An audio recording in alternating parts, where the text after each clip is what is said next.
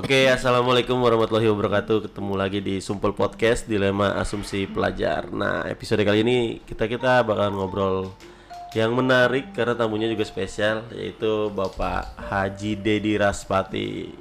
Pak, selamat datang Pak. Selamat datang juga. Ini biasanya kalau ngobrol sama Pak Dedi itu dalam biasanya berdua doang, tapi kali ini kita ngobrol di podcast biar bisa didengar sama anak-anak. Nah, judul kali ini adalah pemantik berjiwa muda, Pak. oh gitu. Iya, karena menurut Audi kan Bapak kan eh, suka memantik, memantik ide, memantik semangat, memantik ya segala macam rupa lah dipantik sama Bapak. Nah, eh, ada sisi lain nih Pak, sisi lain yang menurut Audi eh, banyak nggak diketahui oleh anak-anak rimba terutama. Eh, Bapak nggak usah perkenalan diri kali ya, anak-anak udah pada kenal kali ya. Iya, mungkin. Seorang Bapak Dedi Raspati.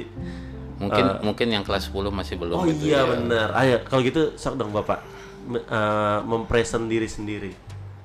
Gimana nih? Iya, gimana jabatan, berapa lama Bapak ngajar Oh, di sini, gitu. ngajar apa gitu, Pak. Iya. Saya di SMA Rimba Madia sejak tahun 1992. Aduh.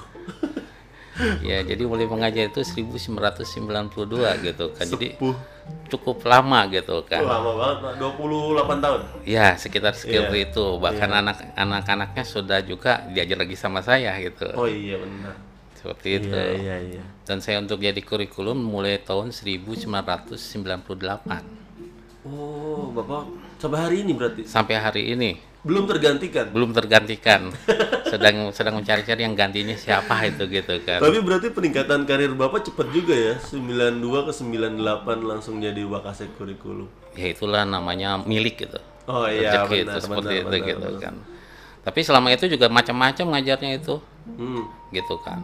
Ya sebetulnya faknya kan kimia gitu kan. Iya. Tapi pernah ngajar fisika, pernah mengajar matematik, mengajar PPKN, bahkan sejarah pun saya pernah mengajar hal semacam itu gitu. Bapak berarti sekarang eh, fokus mengajar kimia dari kelas 10 sampai kelas 12. 12. Nah, Ya berarti memang hanya Bapak aja ya guru kimia yang ada di iya, SMA Rimba Mada. untuk sementara. Untuk sementara. Emang ada rencana akan ada guru tambahan? Ya kan saya nggak selamanya di sini. Oh iya benar. Bentar lagi juga pensiun gini. Kalau ada. iya? Iya. Maksudnya sih Pak, Bapak berapa lama lagi kira-kira? Sekitar mungkin 5 atau enam tahun lah. Wah, masih sanggup lah eh, lebih lama lagi gitu. Mau kalau bisa sih gitu kan. Nah, eh, Pak Dedi, ada sisi lain yang banyak anak-anak nggak tahu nih bahwa Pak Dedi itu kan anak-anak tuh kadang-kadang kalau ada cerita suka kadang nggak percaya gitu di balik image image yang memang tegas kemudian dingin gitu ya ternyata ada sisi-sisi yang memang eh, Pak Dedi itu sebenarnya friendly banget Pak Dedi sering memberikan ide Pak Dedi sering mendorong dan menyokong anak-anak soal kreativitas Pak Dedi juga termasuk guru yang sangat-sangat disiplin. Nah, Odi sering banget dapat ide-ide yang memang dipantik oleh Pak Dedi kemudian Odi yang eksekusi. Biasanya ide dari Pak Dedi, Odi yang eksekusi gitu ya. Mungkin faktor U kali apa ya? Nah, Urusan ini mah, Urusan. bukan umur. Heeh. Urusan. Pak Dedi lebih banyak. gitu. Ayo cerita dong Pak, bagaimana uh, Pak Dedi itu ternyata adalah orang yang memang sangat-sangat friendly di balik image yang anak-anak tahu sekarang. ya, kita kita mulai dari ini aja dari nama saya sendiri gitu kan. Iya. Gitu kan.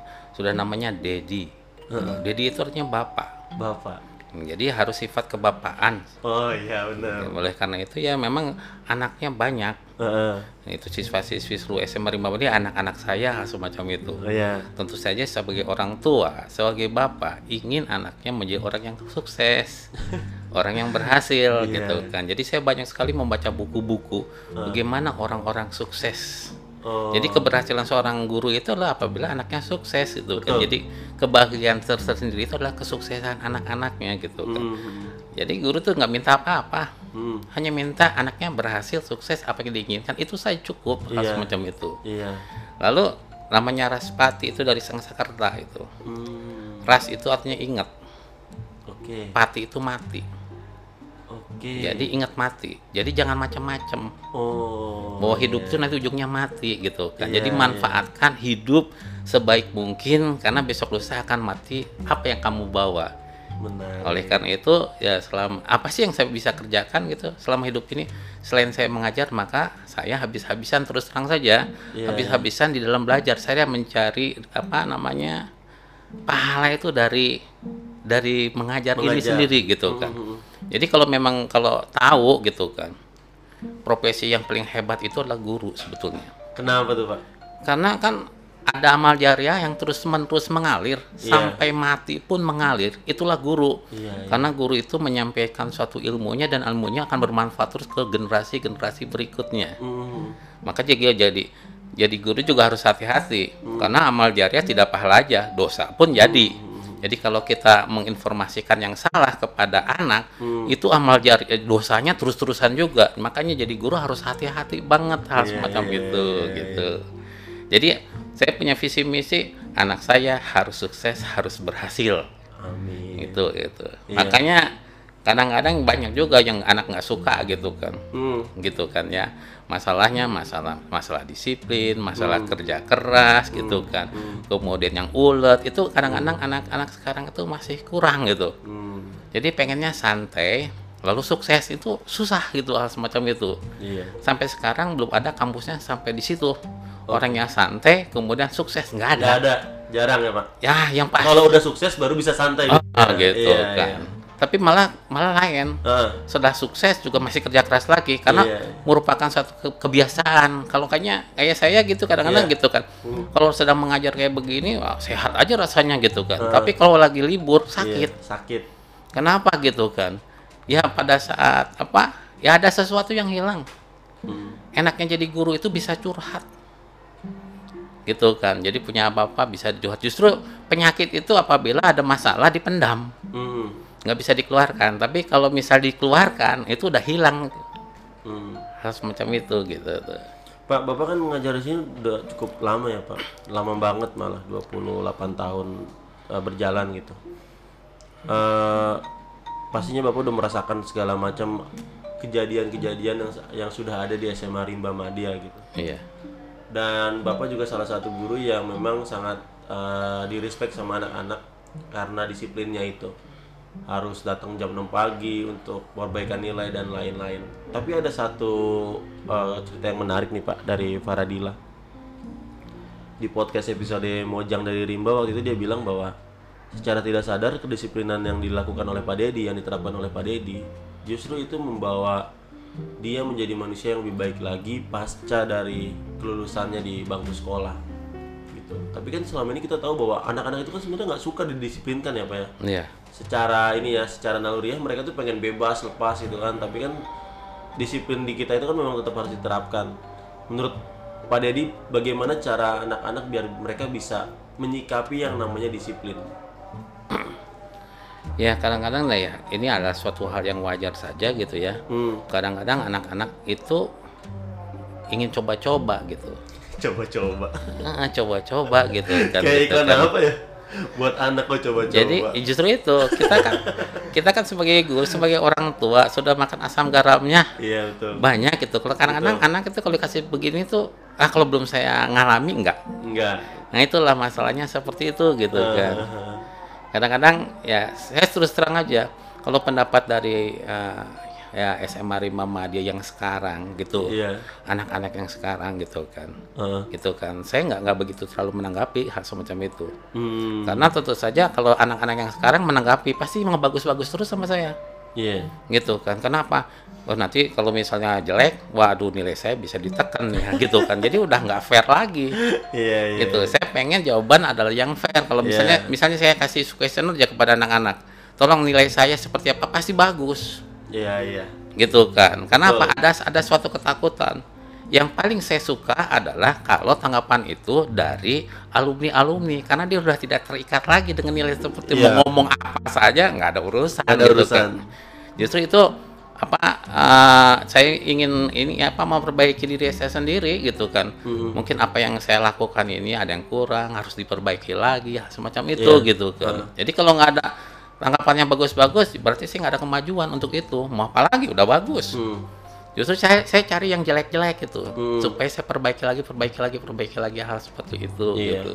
Ngupgrade ya, Pak. Iya, harus ngupgrade kalau mau Nah, maju. Nah, ini eh, buat teman-teman banyak yang nggak tahu ya. eh, berdirinya podcast ini, terus kemudian teknisnya, terus kemudian pameran dan lain-lain, pameran lukisan, pameran eh, mural, terus bagaimana pentas anak-anak ketika mereka ngambil ujian praktik dan lain-lain.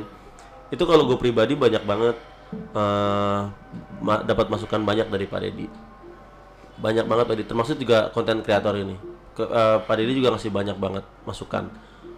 Memang sebenarnya Pak Dedi itu sudah terpikirkan tapi tidak bisa mengeksekusi belum sempat mengeksekusi karena memang mungkin banyak kerjaan atau memang sebenarnya Pak Dedi itu lebih nunggu teman untuk kolaborasi Yang jelas saya sendiri nggak bisa ya jalan sendiri itu nggak bisa ya. Hmm, hmm. Harus banyak kolaborasi hal semacam itu gitu Iya. kan.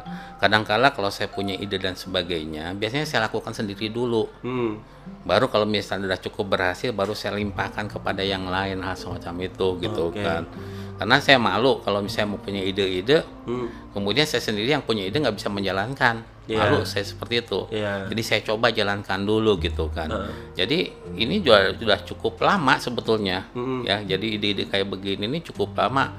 Masalah broadcast ini juga udah cukup lama. Artinya juga dari tahun 1900-an Hmm, hmm. sudah ada karena ada studi dibanding dengan sekolah-sekolah lain ternyata sekolah lain ada broadcast kenapa di SMA Rimba Madya saya ajukan kemudian juga nggak ada tanggapan ya apa lagi hal semacam itu jadi semua yang Iya, saya iya. dapatkan saya selalu saya ajukan gitu kan Ah. tapi ya karena tidak ada dukungan ya udah gitu kan jadi mumpung sekarang masih anak-anak muda gitu kan sedang maju wah saya senang sekali Iya. gitu kan apa yang saya inginkan dulu itu ah ternyata terwujudkan hal semacam itu gitu. Pak, Pak Didi kan juga ini ya Pak, sempat viral ya Pak ya.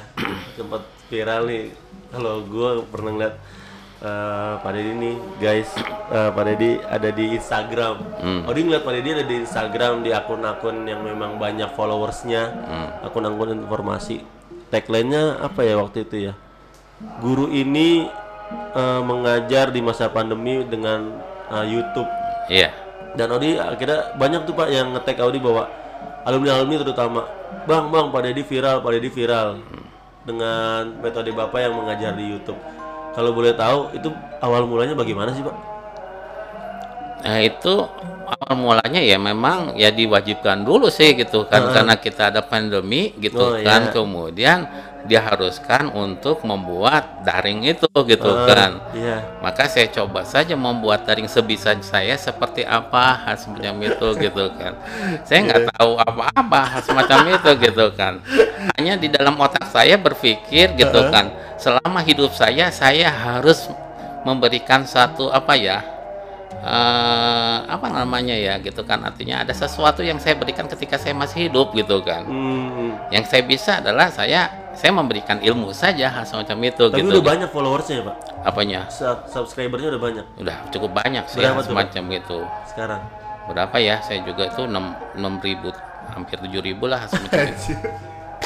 Udah ini dong udah AdSense dong ya. ya tapi itu kan karena faktor itu sebetulnya Iya. nah, di situ lah bisa kita lihat ini adalah faktor terus terang adalah faktor keberuntungan juga Heeh. artinya pada saat itu orang belum buat pada saat Iya. itu karena mau dekati ulangan semester, setengah semester orang pada belum buat saya sendiri yang buat Iya iya. jadi orang berkumpul-kumpul di situ gitu Iya. kan Iya sekarang jadi dilihat jadi banyak tuh pak yang pada guru-guru pada pakai YouTube juga akhirnya semua. iya dosen guru pada pakai YouTube. Tapi katanya didengar bahwa itu ada kontribusi besar dari anak bapak ya pak? Oh iya, masing-masing anak saya dimanfaatkan sama saya gitu kan. Dimanfaatkan. iya bener sih nggak salah juga ya pak. iya. Iya nggak salah juga. Ya seu- usia seusia saya itu namanya namanya IT itu kan butek juga hal semacam itu gitu Iya, kan. iya. Jadi anak saya lah, saya pengennya kayak begini-begini, oke gitu dia buatkan hal semacam Tapi itu gitu sempat kan. ngeliat twitternya anak bapak tuh. Nah, itu bagian pemasaran itu. Jadi ada yang untuk jadi ada kegiatannya ada manajemen gitu. Ada pemasaran gitu kan. yang Itu perempuan ya pak itu? yang perempuan itu juga kata anak saya juga bilang katanya saya juga nggak tahu gitu kan Oh, dia dibilang dalam tweetnya itu bilang katanya kalau mau kim oh, mau belajar kimia bapak saya yang mengajar loh gitu aja gitu kan iya, itu iya. jam 12 malam dia gitu kan Iya, iya. tiba-tiba jam dalam waktu eh, pagi-pagi udah udah ribuan munculnya itu.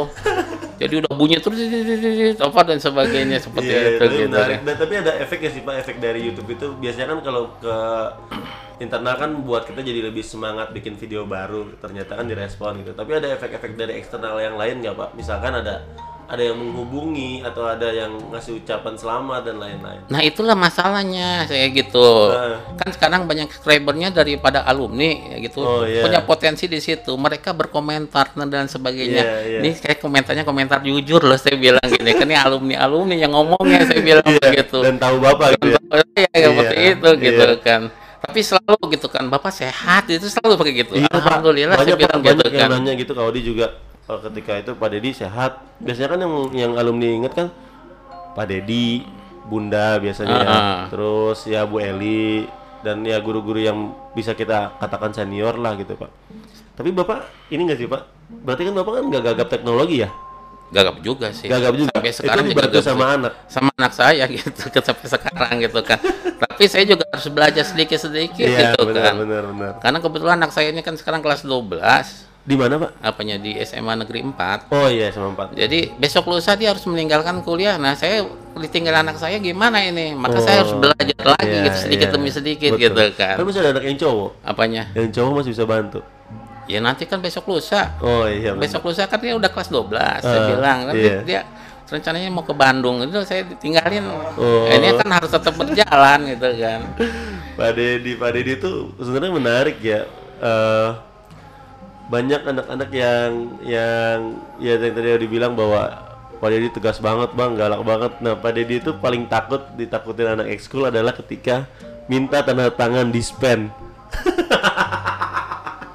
Apalagi kalau lagi ngajar, pokoknya jangan, jangan. Banyak yang nggak berani. Tapi kalau waktu itu, kalau saya sendiri ya Pak ya, saya ngerasa bahwa Pak Deddy mah kalau diajak ngobrol, terus kemudian dikasihkan informasi yang sejelas-jelasnya, oke oke aja, nggak susah sebenarnya, asalkan memang jelas aja iya. Tapi kalau anak ekskul yang lain ya, entah nih ya, kalau teater kan pasti ada yang ada yang ke bapak gitu ya.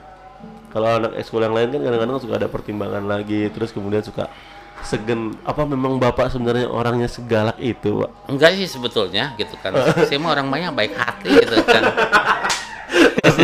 langsung dijawab iya Ini kan yang saya ini khawatirkan kalau misalnya ada ekskul gitu untuk pindah tanda tangan gitu lah, Iya, macam iya. itu. Sebetulnya ya coba aja koreksi diri sendiri dulu. Heeh.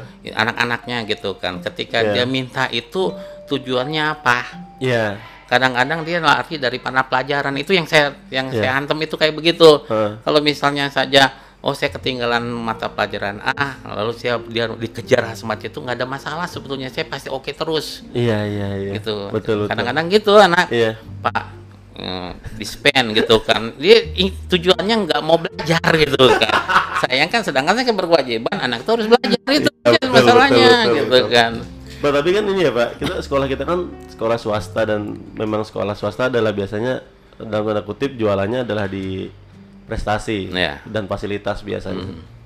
Dan eh, akademik kita juga nggak nggak buruk-buruk banget ya Pak, Iya. masih bisa bersaing lah Betul. gitu.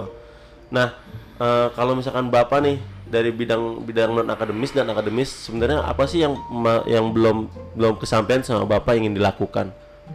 misalkan di bidang ekskul saya pengennya begini begini begini. Kalau misalkan bidang pelajaran harusnya begini begini begini begini gitu. Apa pak? Selama 28 tahun mengajar. Kadang-kadang kan begini gitu kan. Ya artinya juga ya mohon maaf ya ini Iya. bukan bukan untuk membandingkan dan sebagainya. Iya. Gitu. Artinya untuk sekolah di swasta dan di negeri itu itu beda. Mm-mm. Gitu kan beda gitu kan. Ya jadi otomatis SDM-nya lebih bagus di Negeri. di negeri hal semacam itu gitu kan. karena orang orang berbondong-bondong akan masuk ke situ walaupun melalui seleksi dan sebagainya. Iya dengan berbagai macam cara ya pak. Betul gitu kan. Jadi SDM-nya dia bagus hal semacam itu gitu kan. Tapi jangan lupa gitu kan. Pertama Allah itu maha adil. Betul. Artinya kalau dia ditinggikan di suatu maka direndahkan di tempat yang lain. Ya betul. Kalau dia direndahkan di tempat ini maka akan ditinggikan tempat lain. Agree. Oke lah sekarang taruhlah masalah SDM Mm-mm. SDM nya lebih tinggi. Iya. Berarti kita ada yang lebih tinggi lagi dong. Kalau SDM kita rendah pasti ada yang tinggi lagi dong. Iya. Apa yang tingginya itu gitu kan. Mm-mm. biasanya kalau anak-anak yang swasta itu lebih kreatif. Kreativitasnya. Kreativitasnya Iya, gitu kan. iya.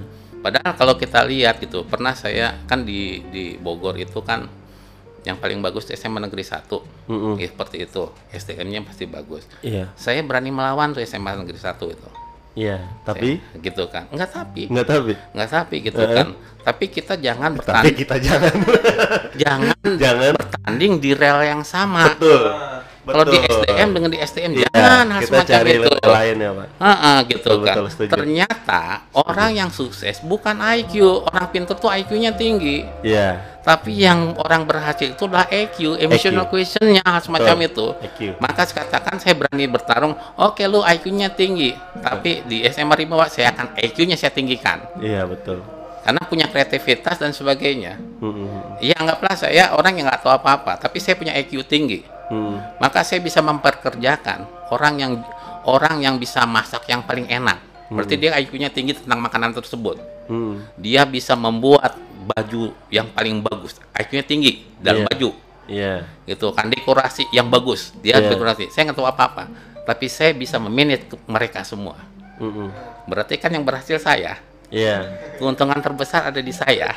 Iya. Karena saya memanage orang gitu. iya Saya mengambil suatu contoh misalnya saja tentang Bob Sadino kayak begitu. Bob Sadino Iya, dia lulusan apa? Mm. ya gitu kan tetapi itu namanya uh, insinyur-insinyur dari IPB berapa ribu insinyur IPB di bawah dia semua iya belajar ke dia artinya EQ dia Iya. ya tinggi iya walaupun nggak pintar-pintar amat yang IPB pintar-pintar masuk IPB Mm. nah ini kan satu gambaran yang real yang ada seperti itu. Betul. Gitu kan. Makanya saya kadang-kadang yang menginginkan kepada anak-anak didik saya harus mempunyai satu keinginan yang kuat atas apa yang menjadi cita-citanya. Jadi tidak ada yang yang bisa menghalangi dia. Betul. Hari ini aku nggak punya uang tapi aku ingin menjadi seorang dokter oke saya tidak akan hentikan dulu masalah dokter. Saya akan cari uang dulu saya kerja dulu nanti saya akan masuk ke dokter. Insya Allah pasti jadi itu. Karena dia punya keinginan yang kuat untuk itu. Mm. ya kalau ah orang tua saya nggak mampu. Eh karena dia nggak punya keinginan kuat. Betul. Gitu. Jadi itulah yang saya dorong kepada anak itu dia harus mempunyai suatu keinginan yang kuat tekad yang kuat untuk mencapai cita-citanya.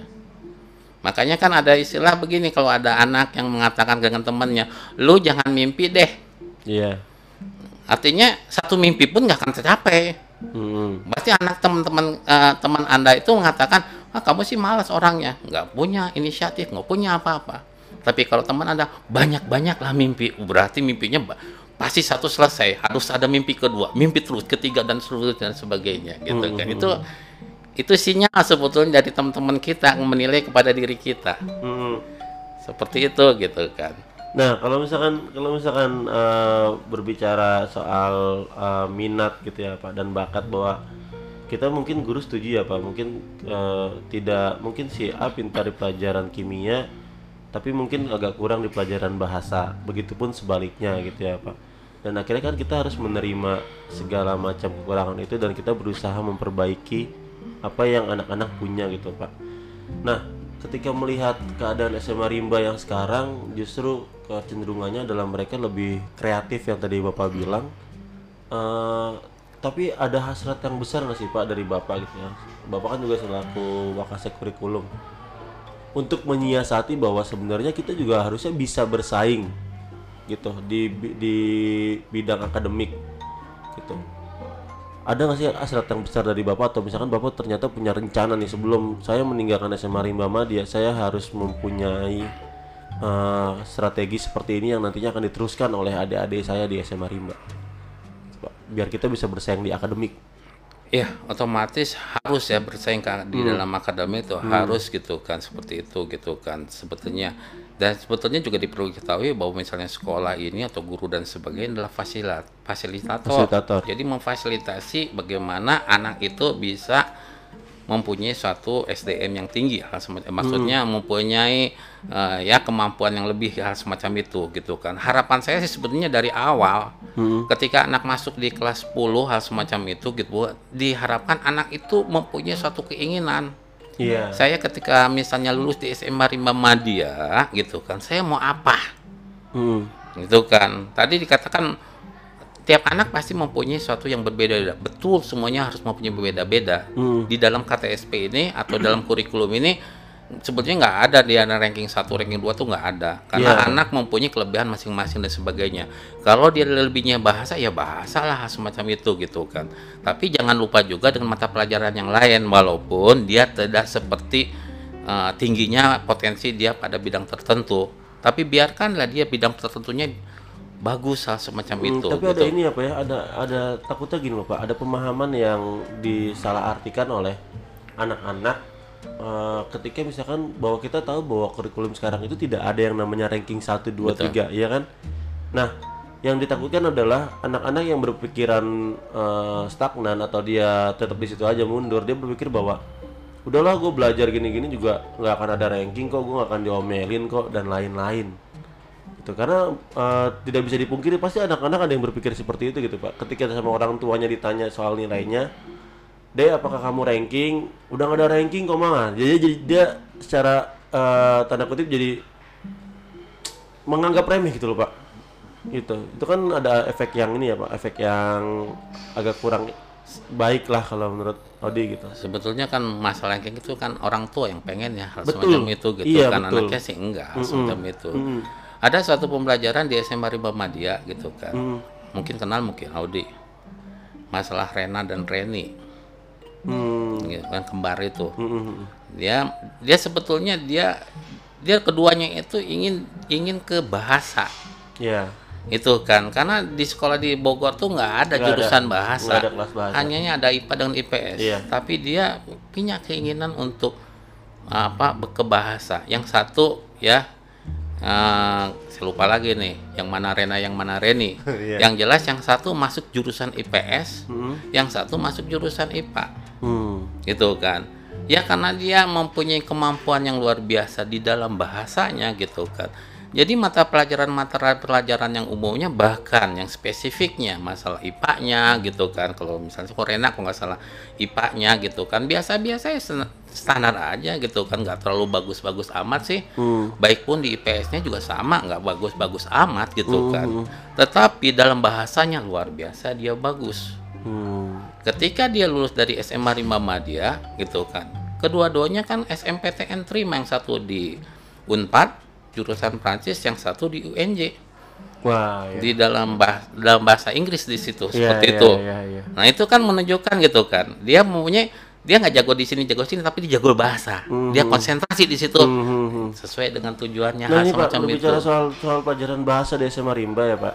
Kalau dulu Odi waktu zaman Odi sekolah itu eh, Odi ngambil bahasa tuh ngambil Jepang. Hmm, Biarpun ada pilihannya itu ada Perancis, ada Jerman. hmm. Nah eh, di situ memang kita murid-murid pada masa itu dibebaskan untuk memilih mau ngambil pelajaran bahasa yang yang mana gitu ya. Dan fokus Odi adalah di bahasa Jepang waktu itu. Nah kalau di Rimba kan kita tahu hanya ada bahasa Inggris dengan bahasa Arab, Arab untuk eh, bahasa asingnya ya Pak. Hmm. memang memang ditentukan oleh sekolah bahwa kita akan memilih bahasa Arab atau memang sebenarnya diperbolehkan saja untuk mem- memakai bahasa Prancis atau Jerman tapi memang nggak kita ambil. Sebetulnya kan itu yang tadinya sih untuk bahasa Arab gitu kan karena kita juga nampaknya juga hubungannya dengan Timur Tengah. Mm-mm. Itu itu relatif lebih banyak hal semacam itu. Maka kita konsentrasi ke seperti itu. Hmm. tapi sebetulnya juga kan tidak menutup kemaka, eh, tidak menutup kemungkinan untuk bahasa Jerman bahasa Perancis bahasa Iya, Jepang hal semacam itu. Tapi kita juga harus menghitung gitu kosnya berapa. Betul itu yang sebetulnya. Kalau Iya. kalau misalnya peminat bahasa Jepangnya taruhlah bisa satu kelas dia akan dimunculkan hal semacam itu. Karena Oh. karena kita harus membayar guru tersebut Betul. gitu kan. Guru bahasa itu mahal. Jadi sebetulnya kosnya yang, yang diperhitungkan iya, betul, gitu. betul, gitu. Gitu. Memang memang ini siapa ya? Tapi kan kadang-kadang kita juga nggak bisa ya pak. Sus- sulit gitu membaca membaca minat anak. Kadang-kadang kita juga nggak punya pemetaan yang pasti gitu antara minat mereka Eh, lebih ke mana nih? Apakah lebih ke bidang-bidang yang kreatif atau bidang-bidang yang memang eksak gitu? Sehingga kita memang beberapa kali eh, melihat contoh ya nggak banyak sih. Contoh anak-anak yang akhirnya meluangkan waktu luangnya untuk melakukan hal-hal yang sebenarnya nggak nggak positif gitu loh pak. Dan akhirnya energi positifnya terbuang sia-sia gitu. Nah kalau menurut bapak nih eh, menurut pak Dedi apakah memang anak-anak yang menyalurkan energi positifnya menjadi hal-hal yang sia-sia akhirnya berubah menjadi negatif itu? Karena memang eh, fasilitas dari kita yang tidak me- menyediakan atau belum sempat menyediakan atau memang itu adalah efek dari dari masa-masa remaja yang memang sebenarnya memang mereka memilih untuk menjadi itu. Karena menurut Audi ya Pak hidup itu adalah pilihan. Kalau kita mau Badung ya kita bisa Badung. Tapi kalau kita milih untuk jadi baik ya kita tetap baik kok kadang kali gini anak-anak akan merasa bahwa bilang namanya masa remaja man. Ya kalau kita Badung ya wajar. Karena kita masa remaja. Tapi tidak semua anak remaja Badung sayangnya. Ada juga anak remaja yang memang memprioritaskan waktunya untuk belajar mengejar cita-citanya. Tapi ada juga beberapa orang yang beranggapan bahwa ya itu mah berarti sekolahnya tidak menyenangkan atau sekolahnya seperti penjara atau sekolahnya bla bla bla bla. Akhirnya semua nih antara pihak sekolah orang tua dengan murid di sekolah mana pun jadi main oper-operan. Gitu. Kadang-kadang orang tua kandung juga bingung gimana ngurusin anaknya akhirnya diserahin ke guru.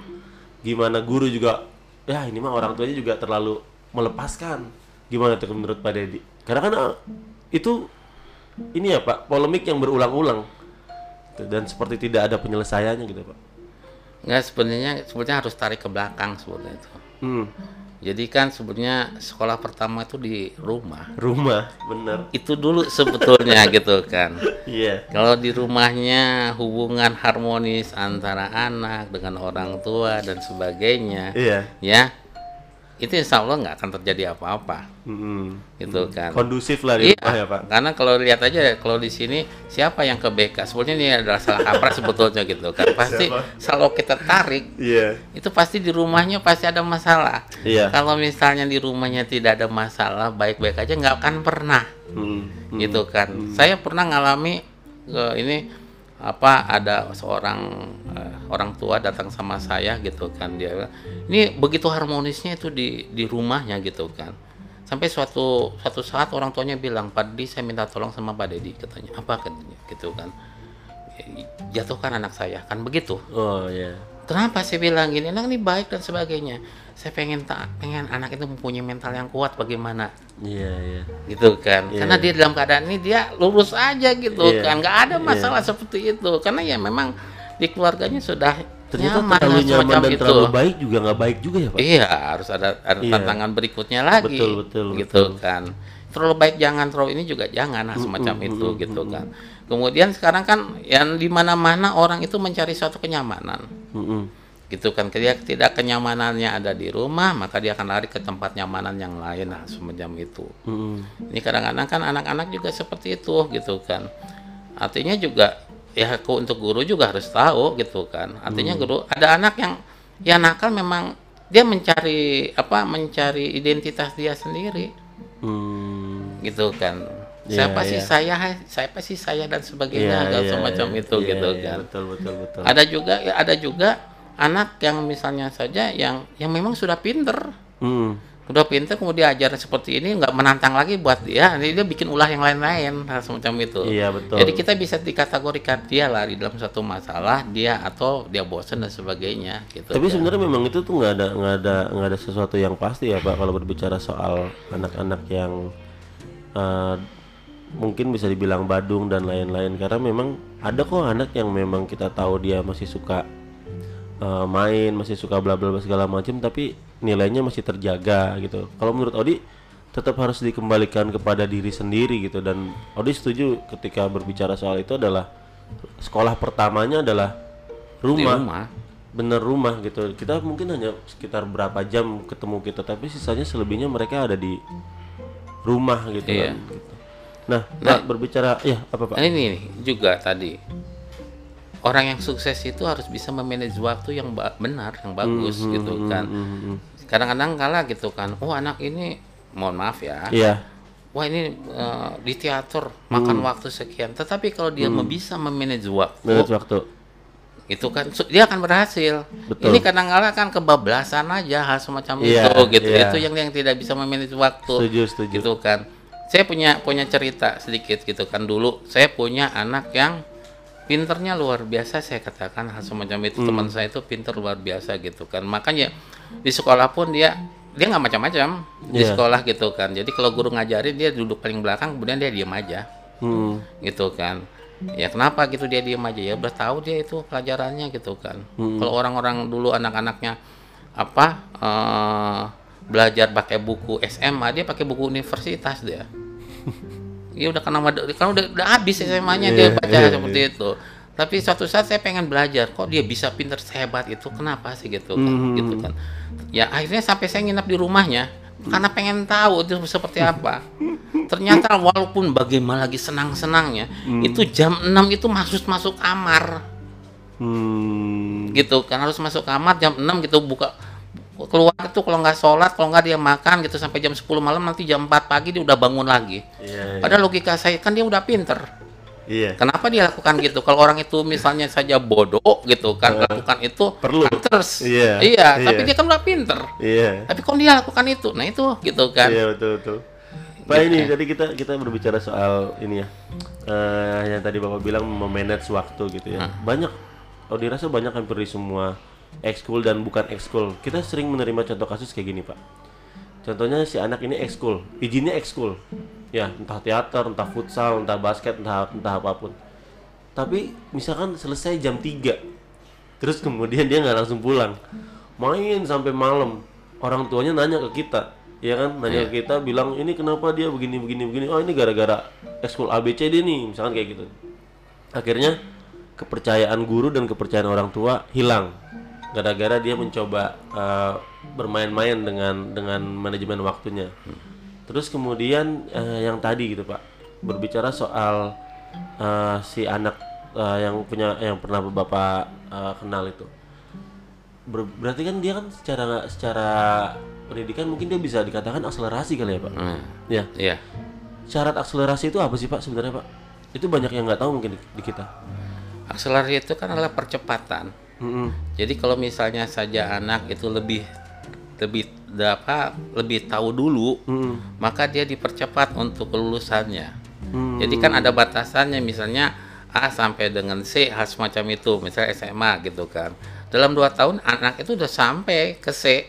Sedangkan yang lain dia harus bertahap dulu ke B baru ke C. Maka anak itu bisa dalam waktu dua tahun dia bisa eh, menyelesaikan karena, hal di, karena itu. dianggap mampu Sudah dianggap mampu kalau misalkan di itu. sekolah itu siapa yang menentukan bahwa dia aksel pak apakah sekolah yang meminta atau menunjuk dia bisa akselerasi atau memang dia yang mengajukan diri kemudian ada tesnya sebetulnya itu kan sekolah sendiri hmm. sekolah sendiri harus sudah Excel tapi sampai sekarang kan sudah ditiadakan lagi oh udah nggak ada lagi udah ya? nggak ada lagi akselerasi Iya, dulu iya. katanya memfasilitasi bagi anak-anak yang pinter-pinter yang mempunyai kemampuan yang lebih maka Hmm. dia difasilitasi dengan akselerasi tapi entah bagaimana ya ini tergantung daripada kebijakan pemerintah ba- Iya, pemerintah, pemerintah. baru. Akhirnya aksel udah tidak ada lagi sekarang Nggak ada itu. lagi. nggak ada lagi. Dan memang ini siapa ya kalau misalkan bisa dilihat di rata-rata juga pendidikan kita juga secara secara peringkat juga cukup jauh tertinggal sama negara-negara lain. Iya. Itu juga ternyata eh, berkesinambungan dengan minat baca. Minat baca negara kita itu di peringkat 61 dari 62 mantap. Padahal kita tahu kita punya penulis-penulis yang hebat. Kita punya pengarang-pengarang sastrawan-sastrawan yang hebat. Banyak kok orang-orang Indonesia yang insinyur di luar negeri. Banyak kok mereka yang kerja di luar negeri. Nah konsen bapak di minat baca ini bagaimana sih pak? Menyikapi bagaimana anak-anak ternyata zaman sekarang tidak suka baca gitu loh pak. Ini sebelum ke situ dulu ya. Iya. Gitu kan. Ini kenapa sih Indonesia masih akhirnya ya terkalahkan gitu oleh negara-negara lain sebagainya gitu kan. Kalau saya pikir ini pendapat saya saja. Kita tidak punya blue screen. hmm? Iya, jadi tahapan ini tahun ini mau bagaimana, gimana, gimana gitu. Iya, iya. Jadi dengan demikian itu ganti menteri kemudian ganti seakan-akan peraturan peraturan kembali ke nol lagi. Jadi kita nggak pernah maju-maju gitu kan. betul betul betul Itu gitu kan. betul Harusnya kalau ada blue screen ini, ini satu tahun pertama akan apa, B ini nanti Betul, misalnya betul. pada saat akhir ini goalnya ini loh gitu kan. iya Sekarang kan Iya. udah lain lagi hal semacam Bahkan itu. kita tuh secara indeks tuh dari dari tet- negara tetangga tuh kalah tau pak. Dari Iya. negara Malaysia. Padahal Iya. dulu Malaysia tuh belajarnya sama kita. Betul. Gimana bikin sekolah, gimana bikin apa mencetak guru. Saya, saya ngalami gitu teman saya itu juga orang Malaysia dia belajar di di Bandung waktu karena saya ikut dia belajar di Indonesia semacam itu. Kenapa di sana nggak ada kan? Iya. Nah, gitu ternyata ya kita mulai nol lagi ya semacam Iya. itu gitu kan. Kemudian memang ya, daya baca anak-anak itu sangat sangat kurang sekali hal semacam Betul, itu, itu, gitu kan. prihatinnya itu. Mm-mm. Seenggaknya, seenggaknya gini loh Pak Odi berharapnya kalaupun misalkan kurikulum kita berubah setiap ganti menteri, seenggaknya anak-anak tetap konsisten suka membaca. Karena literatur itu banyak banget dan kita bisa dapat informasi segala macam rupa ketika kita suka membaca.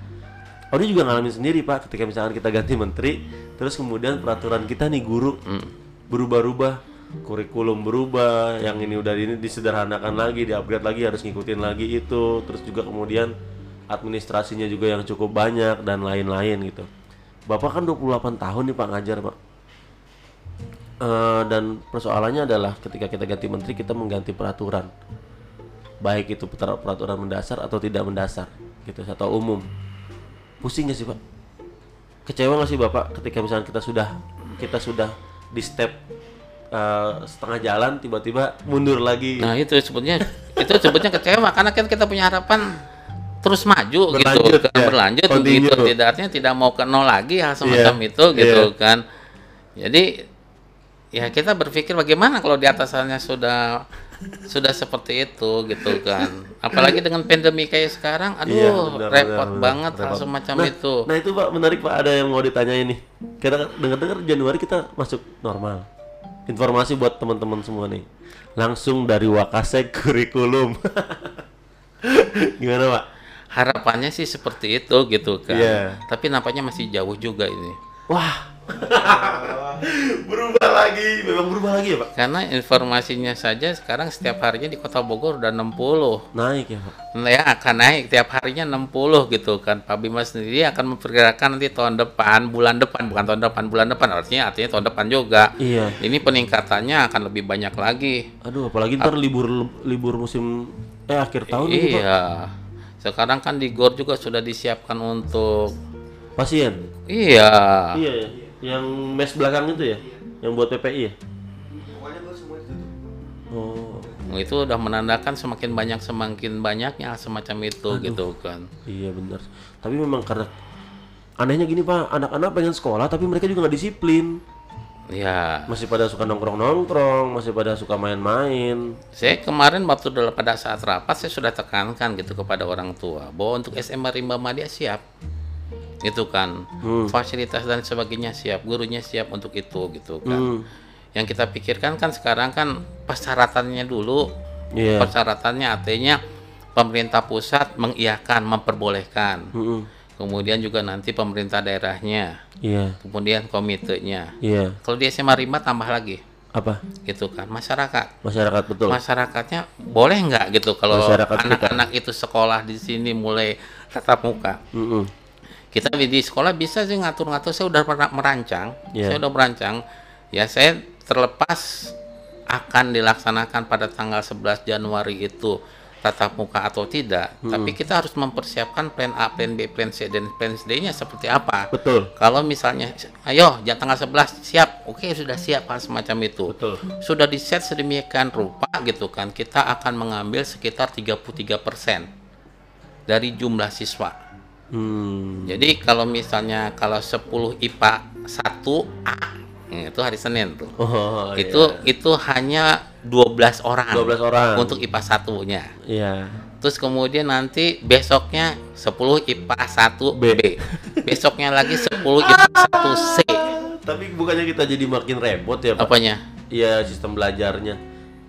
yang capek ya gurunya Iya, karena kan yang masuk mau masuk yang daring tetap daring dong. Pak. tetap jadi kalau mis Berarti libur dong. enggak Iya, makanya. jadi kalau gurunya itu sendiri gitu kan kalau gurunya sendiri yang tatap muka harus dibuat dua satu untuk tatap muka satu daring daring. karena ada juga anak yang nggak mau ikut Betul. harus difasilitasi Betul. kalau yang daring mah enak hanya satu Nah, tapi ada gini Pak, yang bikin yang bikin bingung tuh eh, gini loh Pak. ketika misalkan eh, murid pengen mereka ingin cepat-cepat bertatap muka artinya mereka ingin cepat masuk sekolah. Tapi di satu sisi juga orang tua juga banyak yang eh, curhat ke kita aduh pak pusing anak di rumah belajarnya jadi nggak bener nggak kekontrol bla bla bla segala macam oke ada dua. Terus kemudian tapi yang anehnya gini kedua keinginan ini yang datangnya dari orang tua dan anak ingin tetap daring tapi orang tua dan anak sama-sama tidak bisa saling mengingatkan untuk jangan keluar. Hmm. biar penyebarannya tidak semakin banyak sehingga kamu nanti tahun depan bisa sekolah lagi. Artinya kan berarti bebas. Sekarang kita lihat di jalan-jalan di kota Bogor deh. Kayak udah nggak ada. Itu. pandemi. Iya. iya pak. Tapi keinginannya pengen pengen sekolah. Heeh. itu yang agak ini gimana sih? Maunya kayak gimana sih? gitu loh pak. Pusingnya kayak gitu gitu Pak. Ya, ini kalau dengan belajar daring itu sebetulnya juga gimana ya tidak optimal betul betul pak dari semua pihak, Iya. baik daripada gurunya maupun daripada Siswanya, anak-anak iya. siswanya nggak Betul. optimal Nggak gitu optimal. kan. Padahal biaya yang kita keluarkan cukup besar Hmm, gitu kan, lebih besar gitu. Misalnya saja ya kalau untuk anak-anak dia harus menyiapkan kuotanya iya gitu kan. Kemudian juga informasi yang disampaikan oleh gurunya belum tentu dia bisa terima. terima Nggak bisa juga dia udah bertanya ketika dia tidak paham, tidak Iya, mengerti ya iya. telan aja yang ada gitu Betul. kan. Gurunya juga harus benar-benar mempersiapkannya lagi. Hmm, hmm, Gitu kan saya aja kalau misalnya mempersiapkan untuk hari ini aja itu sampai malam gitu kan. Hmm. Bagaimana materi ini cocok nggak dengan kuisnya bagaimana Nah, itu lama gitu. Padahal kalau saya tetap muka mungkin satu jam selesai urusan saya. iya Dan hasilnya gitu kan, kalau misalnya saya tatap muka ya, satu jam saya selesai, saya bisa sekitar misal 80 sampai 90 persen anak itu ngerti. Hmm, hmm. Tapi sekarang coba saya persiapan sampai satu hari gitu kan, yang diterimanya mungkin hanya 20 persen. iya Kan rugi besar hal semacam itu. betul betul Persiapannya panjang, biayanya besar, tapi hasilnya minim. Tapi harusnya juga murid dengan orang tua itu sadar bahwa mereka itu tetap membayar ya pak. Iya, Artinya juga mereka harusnya nggak boleh menyia-nyiakan soal itu. iya, Apa pun keadaannya mau covid atau tidak covid juga tetap aja yang namanya yang namanya mereka butuh ilmu tetap mereka harus optimal soal itu. iya, Gitu. gitu kan. Ya main, main hitung-hitungan aja lah semacam Iya, itu gitu iya, kan. betul. Artinya kita harus dapatkan berapa nih hal semacam itu. Ah, Jadinya jangan sampai ditinggalkan. Ah, dengan ada covid ini kita santai-santai. Ini yang paling saya takutkan. Ah. Ada takutkan di dalam benak anak, anak seperti itu saya santai-santai saja gitu kemudian Iya. oh naik mah pasti Itu terjadi ya pak. itu itu sangat mengerikan sekali hal Iya, semacam itu betul. gitu kan Hmm, hmm. sedangkan dalam saya konsep saya gitu kan anak itu yang lebih penting adalah kualitas bukan kuantitas Betul. bisa saja kita luluskan dengan anak misalnya saja sesuai dengan batas KKM aja gitu Hmm. kan sejelek apa pun anak saya saya luluskan dengan batas KKM tapi kan anak di otaknya nggak ada Iya, apa-apanya tidak berkualitas akhirnya. tidak berkualitas Iya, gitu iya. kan. Itu yang paling saya khawatirkan ada di situ. Makanya harusnya walaupun dalam zaman pandemi seperti ini, anak harus tetap berkualitas hal Iya. semacam itu. Atau akhirnya mereka tidak berkualitas akhirnya sekolah juga juga hanya menjadi sebuah formalitas pak nah kemarin tadi sempat baca di berita bahwa eh, Mas Menteri sudah memberikan arahan bahwa sekolah sudah diperbolehkan sekolah dan kampus sudah diperbolehkan untuk bertatap muka dan kalau di kota Bogor sendiri eh, katanya akan dikembalikan lagi kepada orang tua masing-masing orang tuanya mengizinkan atau tidak nih itu benar nggak sih pak Ya, bisa bisa jadi seperti itu Hmm, gitu kan. Ya, tetap juga kita harus semuanya juga harus bekerja sama gitu kan. Andai kata kalau muncul klaster baru di sekolah Wah, pasti iya ditutup sih. lagi itu Pasti kan. ditutup pasti lagi. tutup lagi Udah gitu pasti kan. ditutup lagi. Kalau misalkan kita rencana yang sudah Bapak susun kira-kira apa nih Pak yang paling yang paling yang paling garis besarnya aja deh. Saya sih kalau udah saya susun pertama-tama tentu saja juga tadi adalah masalah pembagian ya. Berapa persen sih anak yang yang akan mengikutinya gitu kan. Hmm. Karena ini juga merupakan suatu arahan dari Pak Wali gitu kan bahwa Hmm. untuk bulan pertama itu harus sekitar 33 persen. Oh. Gitu, itu arahan dari Pak Wali hal semacam itu. Bulan pertama apa per triwulan pertama? Per bulan pertama Oh, berarti ada kemungkinan Februarinya bisa berubah lagi bisa dong? kalau misalnya dalam dalam, dalam misalnya Januari kemudian Lonjak ya, Eh, melonjak. Bukan, kalau dalam bulan Januari itu kemudian kita masuk dalam 11 kemudian aman Oke. formasinya aman gitu Iya, kan tidak iya. ada terkena covid dan sebagainya maka bulan kedua bisa sampai dengan 50% Sisi baiknya adalah mungkin anak-anak yang 11, 10 sampai 12 orang ini akan menerima pelajaran dengan baik karena kondusif kelas. Iya Dan sisi buruknya adalah eh, ada anak-anak yang tidak yang tidak eh, belajar dengan optimal karena masih daring gitu, Pak. Mm-mm. Dan yang paling memusingkan adalah gurunya. Hmm, iya. Gimana tuh, Pak? Oh, dia mah bingung. Tapi, tapi biasanya keluhan-keluhan dengan anak-anak itu ya seperti itu adalah biasanya mata pelajaran mata pelajaran yang memang harus didamping terus itu. Betul. Contohnya misalnya matematik gitu, yang hitungan itu itu yang harus Iya. diutamakan hal semacam itu. Kalau yang lebih cenderung masalah hafalan dan sebagainya itu bisa dengan melalui daring dan sebagainya. Pak, tapi untuk anak-anak yang khawatir ya Pak, khawatir dalam arti kata mereka khawatir. Gue takut nih nanti gue nggak bisa ujian kimia atau misalkan gue takut nanti gue nggak bisa ujian matematika. Yuk kita bikin kelompok belajar yuk kita hubungi gurunya kita datang ke sekolah 8 orang lima orang itu boleh nggak sih Pak di Rimba? Boleh, Boleh ya? sebetulnya boleh hal semacam itu. Ada persyaratannya nggak Pak? Apanya? Misalkan kalian harus izin dulu ke wali kelas nanti izin ke kesiswaan dan lain-lain. Hmm. Tetap ya aturan ma- aturan mainnya ya harus mengikuti protokol kesehatan itu intinya semacam Intinya itu. itu ya, Itu intinya gitu itu ya. kan. Kemudian kalau kita bisa memboli, me- apa memo- mobilisasi hal semacam itu bisa melalui apa eh, wali kelas hal semacam itu Hmm. biar kita bisa eh, menentukan waktunya seperti apa. Hmm. Seperti ini saya juga pernah melakukan gitu kan, tapi disesuaikan dengan jam jam saya daring. Ya sesudah Karena- daring. Ah, enggak maksud saya gini. Saya misalnya eh, kelas 10 daring pada hari Jumat Ya. jam 8 sampai jam setengah 10 Oke. gitu kan. Jadi saya buka di situ Hmm. pelajaran eh, tatap muka yang tentu saja akan dibatasi mungkin sekitar kemarin kita coba 15 Anak 15 dulu. orang anak. Hmm. Jadi yang daring tetap daring di rumah, yang tatap muka tetap di sekolah tatap muka Oh. Gitu disesuaikan dengan jam mengajar kenapa disesuaikan karena kalau hari-hari berikutnya kan nanti akan bertabrakan dengan mata pelajaran yang lain Betul. hal semacam itu Kemarin udah lihat di berita tuh Pak, di Jawa Tengah kan udah mulai dibuka bahwa tatap muka itu sudah mulai di- dilangsungkan di Jawa Tengah dan Jawa Timur beberapa sekolah. Akhirnya mereka muncul klaster baru. nah itu yang khawatir Satu sekolah 147 anak terjangkit eh, COVID, positif COVID. Nah itu yang dikhawatirkan sih itu Kita gimana ya Pak? Tapi memang dalam situasi yang nggak pasti ini, kalau audisi berpesan ke anak-anak dalam situasi tidak pasti ini, seenggaknya kalian baca buku aja. Audis termasuk seorang yang cinta banget baca buku Pak dari kecil gitu. Hmm. Diwajibkan untuk baca buku. Bahkan setiap setiap dapat rezeki nih dari hasil kerja itu ada jatah untuk beli buku satu. Hmm. Makanya di kamar itu banyak banget buku anak, eh buku yang Odi kumpulin. Terus kemudian anak-anak kan suka cerita sama Odi gitu ya. Bang, eh, ngobrol soal apa aja gitu, masih nyambung, masih masuk. Akhirnya mereka tanya, kenapa sih Bang Odi bisa gini-gini? Intinya cuma satu, baca. Baca. Kalau misalkan pengen negara berkembang, pengen negara jadi negara maju, negara kaya, anak-anaknya harus baca aja dulu. Nggak harus punya uang, baca dulu. Tapi sayangnya kan anak-anak kita tahu sendiri, Pak, perpus aja nggak dicolek-colek Nah, apa perpusnya yang kurang menarik kah? Apa isi perpusnya kurang menarik kah? Atau nanti sudah kita bikin jadi menarik, memang mereka tetap nggak mau pada ba- baca? Ya pak, iya itu kan yang sulit.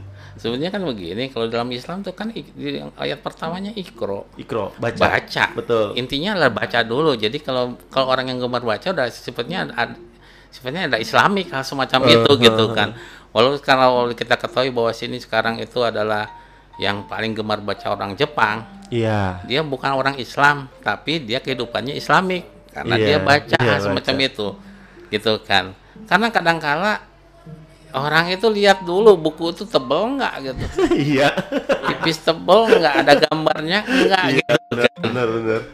Sebenarnya bagi orang yang suka membaca itu memang asik luar biasa Asik. gitu kan Tantangan. tantangan Iya. kalau misalnya baca novel kayak atau apa gitu kita bisa membayangkan Kita masuk ke dunia masuk lain, dunia Pak. dia Iya, lalu betul. kita akan bentuk orang-orang yang apa sesuai dengan Iya, keinginan betul, kita betul. makanya hidupnya akan asik gitu Tapi kan, kan sejauh ini ya pak, orang-orang itu jadi lebih pintar karena cerita orang lain, pak. Eh, tapi dia tidak punya imajinasi Iya, berkembang jadi semacam sekarang apa budaya-budaya yang ada pada anak-anak kita adalah budaya mendengar, budaya naratif. masalahnya sekarang tuh pengen yang simpel-simpel aja Betul. gitu kan Betul. Padahal orang satu orang yang berhasil itu kan ada prosesnya. Iya. Nah itu sebetulnya prosesnya yang harus kita gali bukan Iya, hasilnya. iya. Hasil mah gimana nanti gitu yang, kan. yang lebih yang lebih ironi adalah gini ya Pak. Ketika kita tahu anak-anak kita nggak suka baca, anak-anak Indonesia nggak suka baca, terus juga kemudian ketika misalkan mereka lagi ujian, di mana pun sekolah mana pun berada, ada yang namanya budaya mencontek. Ini kan menjadi sesuatu yang yang bahu membahu membuat kebodohan. Iya. Iya, bahu membahu membuat kebodohan. Odi mah pengennya gini, kalau Odi punya murid pelajaran seni misalkan kayak gitu.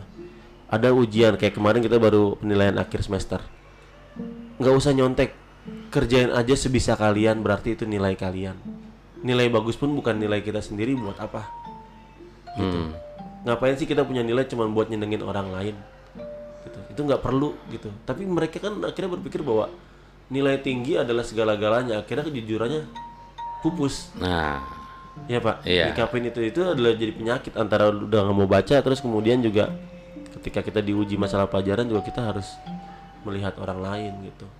ya itu kalau orang misalnya menyontek itu kan dia tidak bisa mengukur diri dia sendiri. Iya betul. Kalau dia tidak bisa mengukur diri sendiri, nggak akan bisa maju, orang nggak Nih, tahu. Odi, Odi gini pak, Odi selalu ngobrol sama bapak tuh hal-hal yang menarik dan memantik. Nih kita tahu perpus ini apa? Hmm. Bapak tahu kan kondisinya perpus. Kalau misalkan bapak ingin merubah perpus dari mulai bentuk dan isi buku, itu perpus mau bapak apain sih pak? Kalau saya itu perpus saya harus saya rombak menjadi perpus digital saya bilang Nah. seperti itu. Ini menarik nih. Yang gini-gini yang datangnya dari Pak Dedi. Terus Pak. Artinya kan sekarang kan kita tidak bisa luput ya da- dalam kemajuan teknologi. Betul. Kita ikuti perkembangan teknologi seperti Betul. apa, Betul. gitu kan. Perpus digital ya Pak. Iya. Berarti ada kan ada banyak komputer touchscreen Banyak. dibaca. Iya, Gitu. bahkan Iya, nanti iya. kita bisa berhubungan misalnya dengan perpustakaan pusat. Betul. Di situ kan Perpusnas, banyak sekali ya. iya. Ah, Iya, kita bisa, bisa. link ke sana Iya. lalu kita akan buka apa saja. E-book ya Pak. Ada ya. E-book bentuknya. Gitu kan. Terus Saya kan pengalaman saya begini ya, Eh. pengalaman saya gitu kan. Dari saya adalah sebagai guru kimia berarti saya setiap kuliah saya harus membuat satu laporan. mm, Itu kan referensinya kan harus dari buku. mm, Gitu kan. Kadang-kadang saya masuk ke perpustakaan dulu hal semacam Iya, itu. iya. Itu kan kadang-kadang referensinya yang udah tua-tua juga itu hal semacam itu. Betul, betul. Jadi bagaimana yang muda-muda itu eh, waktu tahun yang muda-muda biasanya kan di toko buku. Iya. Saya kan suka nyuri-nyuri itu di Gramedia. Ya, baca, baca-baca. buku, baca-baca semacam. Kalau sekarang masih enak. Udah dilihat di Google ini ini keluar. Dulu kan nggak sama sekali. Iya. Dulu kalau dulu kan misalnya zaman sekarang kan gampang aja. Buka halaman 97 potret selesai nanti bacanya di rumah. Buka halaman Iya, dulu kan nggak ada. Nggak ada. Nggak ada seperti itu. ada. Akhirnya saya tulis sembunyi-sembunyi hal semacam itu gitu kan. Dengan teman saya itu. Iya. Kan toko buku nggak mau rugi. Jadi penjaganya suka lewat, udah tutup, pura-pura, baca lagi dan sebagainya gitu Iya, itu. iya. itu. Kalau sekarang sebetulnya sangat dimudahkan sekali untuk Betul, itu betul. gitu Berarti kan. perpus digital tuh salah satu ini kali ya Pak. Salah satu trik untuk menarik Iya. minat baca. Sekarang- Tapi kalau dari segi tempat itu menurut Bapak perlu nggak sih? Artinya gini loh Pak. Kalau di zaman sekarang kan kayak perpusnas deh. Audi itu Audi itu sering ke perpusnas untuk baca-baca buku dengan seneng banget ngeliat buku berjejer tuh seneng banget. Di sana tuh ada satu spot. eh, jadi dia pakai eh karpet, karpet apa sih? Rumput sintetis. Nah, Terus kemudian dikasih bantal yang besar untuk mereka bisa nyender sambil baca. Terus kemudian ya full AC memang. Jadi sehingga tuh siapa pun yang datang ke sana tuh nyaman. mm. Sementara hampir di semua sekolah bentuk perpusnya adalah konvensional. nah, Sementara kantor-kantor startup yang ada sekarang itu membuat kantornya jadi senyaman mungkin biar semua pegawainya merasa nyaman berada di kantor dan dia betah melakukan apa pun. mm. Menurut Pak Dedi, perpus perpus yang ada di SMA Rimba ini kan sudah cukup bukunya ya Pak, sudah cukup banyak atau mungkin nanti bisa ditingkatkan lagi. Minat apa sih? Ada trik khusus gak sih dari Pak Dedi selain di, eh, perpus digital? enggak yang utamanya juga masalah penataannya tadi. Heeh. Penataannya sedemikian rupa yang tadi bisa menarik gitu. Iya, Kemudian iya. ya kalau bisa juga seakan-akan tidak dibatasi oleh ruang.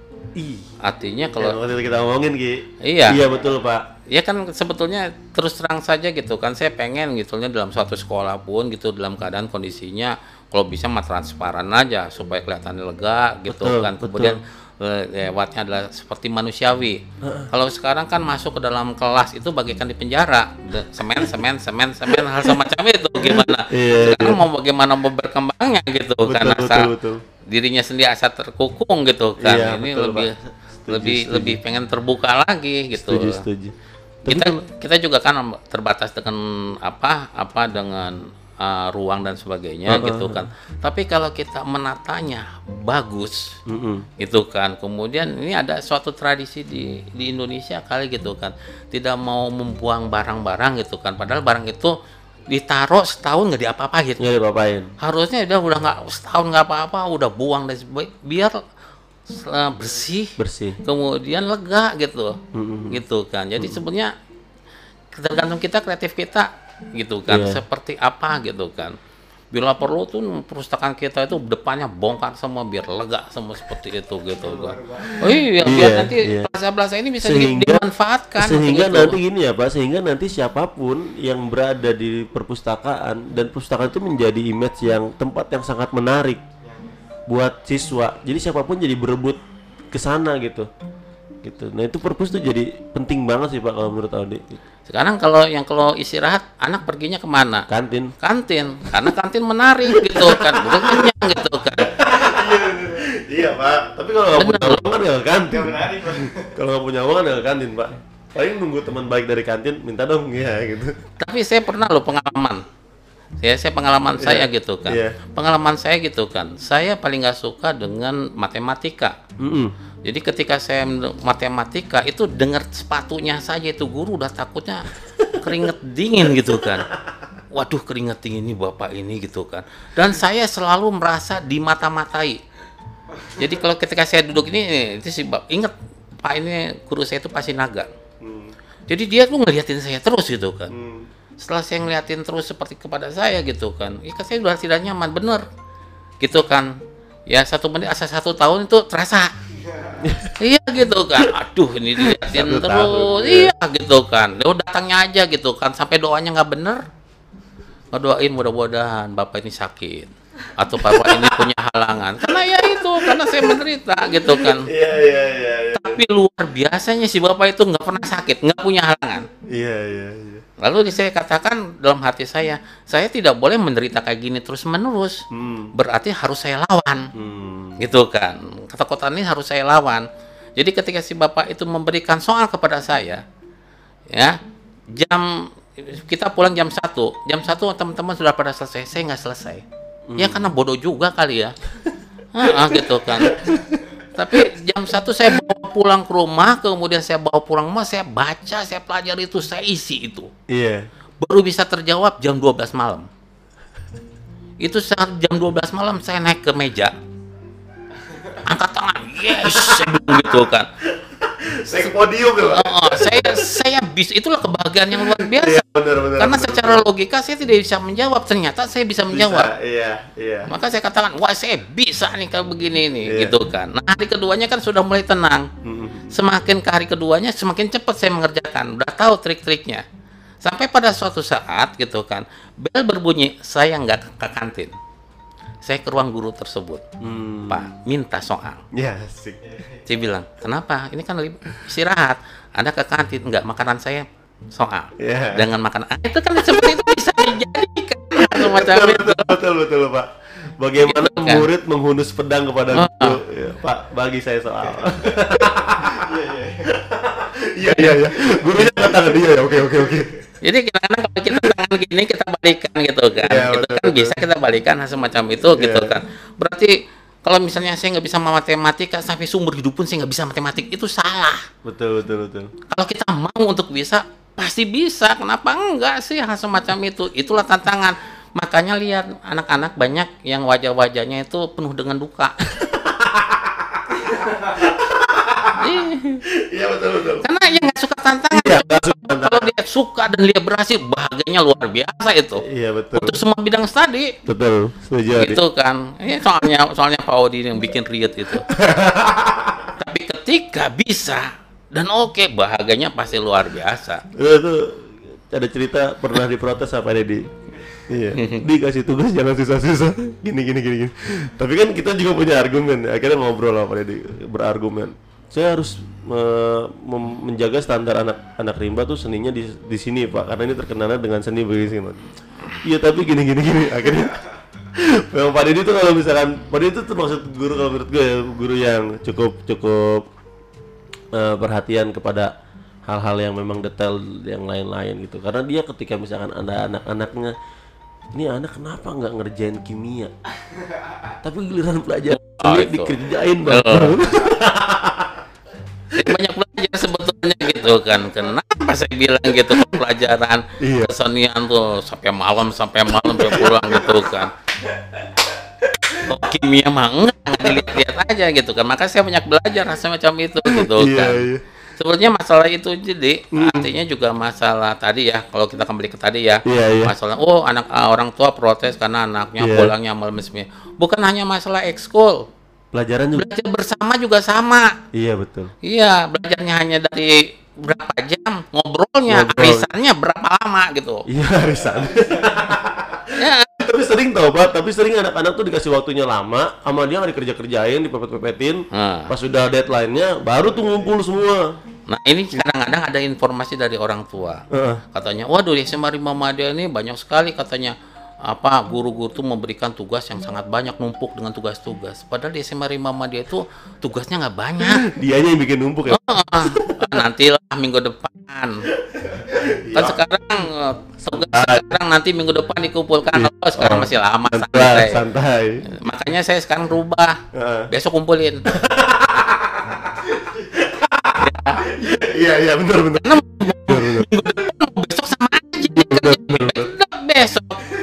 benar benar benar gitu benar memang kadang-kadang kalau anak rimba harus di treatment kayak gitu sih pak. Anak rimba ya gitu.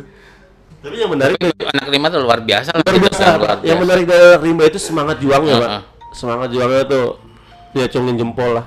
Justru justrunya hasilnya itu setelah keluar dari SMA Rimba Madya bagaimana gitu kan. Tapi banyak pak, oh, dirasa banyak yang lulus dari SMA Rimba Madya itu merasakan dampaknya pak, efeknya, efek bagaimana mereka berjuang ketika SMA. Guru itu bukan ngerjain ya, bukan ngerjain, oh remote-nya harus begini, ntar balik lagi, enggak, bukan ngerjain. Tapi kita tuh pengen mereka tuh bertanggung jawab gitu. Banyak kok pak, alumni banyak yang nanyain kabar bapak ke Audi, banyak juga yang nitip salam eh, ke Audi untuk bapak.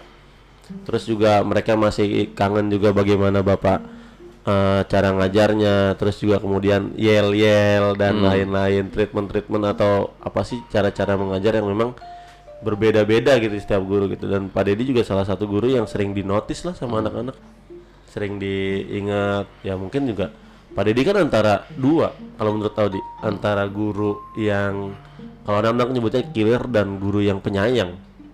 Gitu. Nggak semua orang bisa dapat dua predikat itu pak.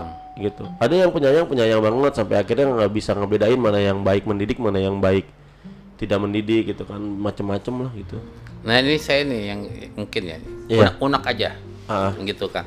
Jadi itu saya sengaja sekarang itu bukan bukan apa ya suka memisahkan diri ya gitu kan. Saya punya tempat tersendiri di sana kurikulum gitu kan cukup luas hal semacam itu. Itu tujuannya apa sebetulnya itu? Tujuannya sebetulnya saya menginginkan gitu kan. Bagaimana bagaimana orang anak yang burung paham Hmm. itu datang. Hmm. Saya siapkan waktu dan ruang di sana untuk belajar. Hmm. Ini kadang-kadang tidak dimanfaatkan untuk itu, takut pak gitu kan. takut mungkin Pak Deddy Oke, Masalahnya saya bilang begini gitu kan. Eh. Takut itu kenapa gitu kan? Karena Takut itu gitu kan. Iya. Takut kenapa? Takut itu karena salah. iya iya iya Jadi kalau salah harus takut. Sekarang kita mau belajar, Iya. pengen bisa. Iya. Apakah itu salah? tidak Itu kan harus bener. Iya. Jadi nggak usah takut. Kenapa harus takut? Saya mau mau bisa kok hal semacam itu, Hmm. gitu kan. Jadi saya pernah lihat di televisi itu gitu kan ada seorang anak SD zaman pandemi gitu datang ke sekolah, Hmm. gitu kan. Kenapa kamu orang semuanya daring di kamu sekolah? Saya pengen pinter, luar biasa. Saya salut dengan orang tersebut, anak tersebut. Hebat nih anak nih gitu kan. iya iya Keinginan belajarnya luar biasa. Dia datang ke sekolah. Karena apa? Dia pengen pinter hal semacam itu gitu kan. Jadi saya buka fasilitas seperti itu supaya apa anak itu ya iya datanglah kalau Datang. nggak tahu seperti itu. Walaupun tentu saja juga saya tahu gitu artinya juga tidak semua ketika lulus mau masuk ke jurusan kimia, gitu Iya. kan ya kalau misalnya saja "Eh, saya mau ke AK mau ke ini ayo mari gitu Tapi kan tahun ada yang masuk AK tuh ya pak iya iya anak teater kemarin ada tuh pak si si Nuraldila Hmm. masuk AK kan dia Saya kadang-kadang kan tentu saja juga karena semuanya tidak mau ma- masuk dan AK dan kemudian fasilitas kita sangat terbatas gitu kan. Mhm. Andai kata anak itu dari awal, misalnya dari kelas 10 dan sebagainya gitu. Pak, nanti nanti kalau saya lulus mau mau ke AK apa gitu kan. Saya angkat jadi asisten saya itu. Mhm. Ya, nanti saya ajarkan bagaimana cara menimbang, ini nama alat-alat dan sebagainya. Hmm. Sehingga kalau dia nanti ke AK sudah tidak memalukan SMA Rima Madia lagi. betul Hal semacam itu gitu kan. buat yang nggak tahu AK mungkin teman-teman ini informasi aja AK itu adalah singkatan dari Akademi Kimia Analisis ya pak Ya, betul. itu lokasi kampusnya dulu ada dua pertama depan BTM satu lagi di Tanah Baru tapi semenjak Tanah Baru bikin eh, gedung baru kampus baru nah semuanya jadi pindah ke sana itu kalau misalkan AK tuh istilahnya gini loh kakaknya Smakbo. Iya. kalau SMA itu Smakbo kalau kampusnya itu AK ya pak. Tapi memang Audi punya teman banyak kan teman teater juga yang dari AK juga. Praktek mulu pak. Iya. ya sampai bawa-bawa apa sih kayak botol gede gitu dan lain-lain. Memang pusing ya pak kimia pak. Ya tergantung. tergantungnya gimana nih pak? Hah? tergantungnya gimana? Tergantungnya itu kalau kita suka sih nggak akan ada yang pusing. jadi asik ya pak Asik gitu kan, gitu betul. kan. Iya. Gitu. Yang pusing itu ya kalau kita tidak sukai, nah itu yang bikin pusing gitu kan. Iya, Sesusah apa pun kalau asik nggak nggak pusing lah hal semacam betul, itu betul, gitu betul, kan. betul. asik Nah ini makanya sekarang tolong diinformasikan Apa tuh? Pak Dedi terbuka untuk misalnya untuk anak-anak belajar. Tapi Pak ada syarat, apa syarat. tuh apa Satu syaratnya catat nih anak-anak Ah. iya ada perjanjian dulu. Perjanjian apa nih pak? Perjanjian. Pak saya mau be- belajar. Oh, gitu.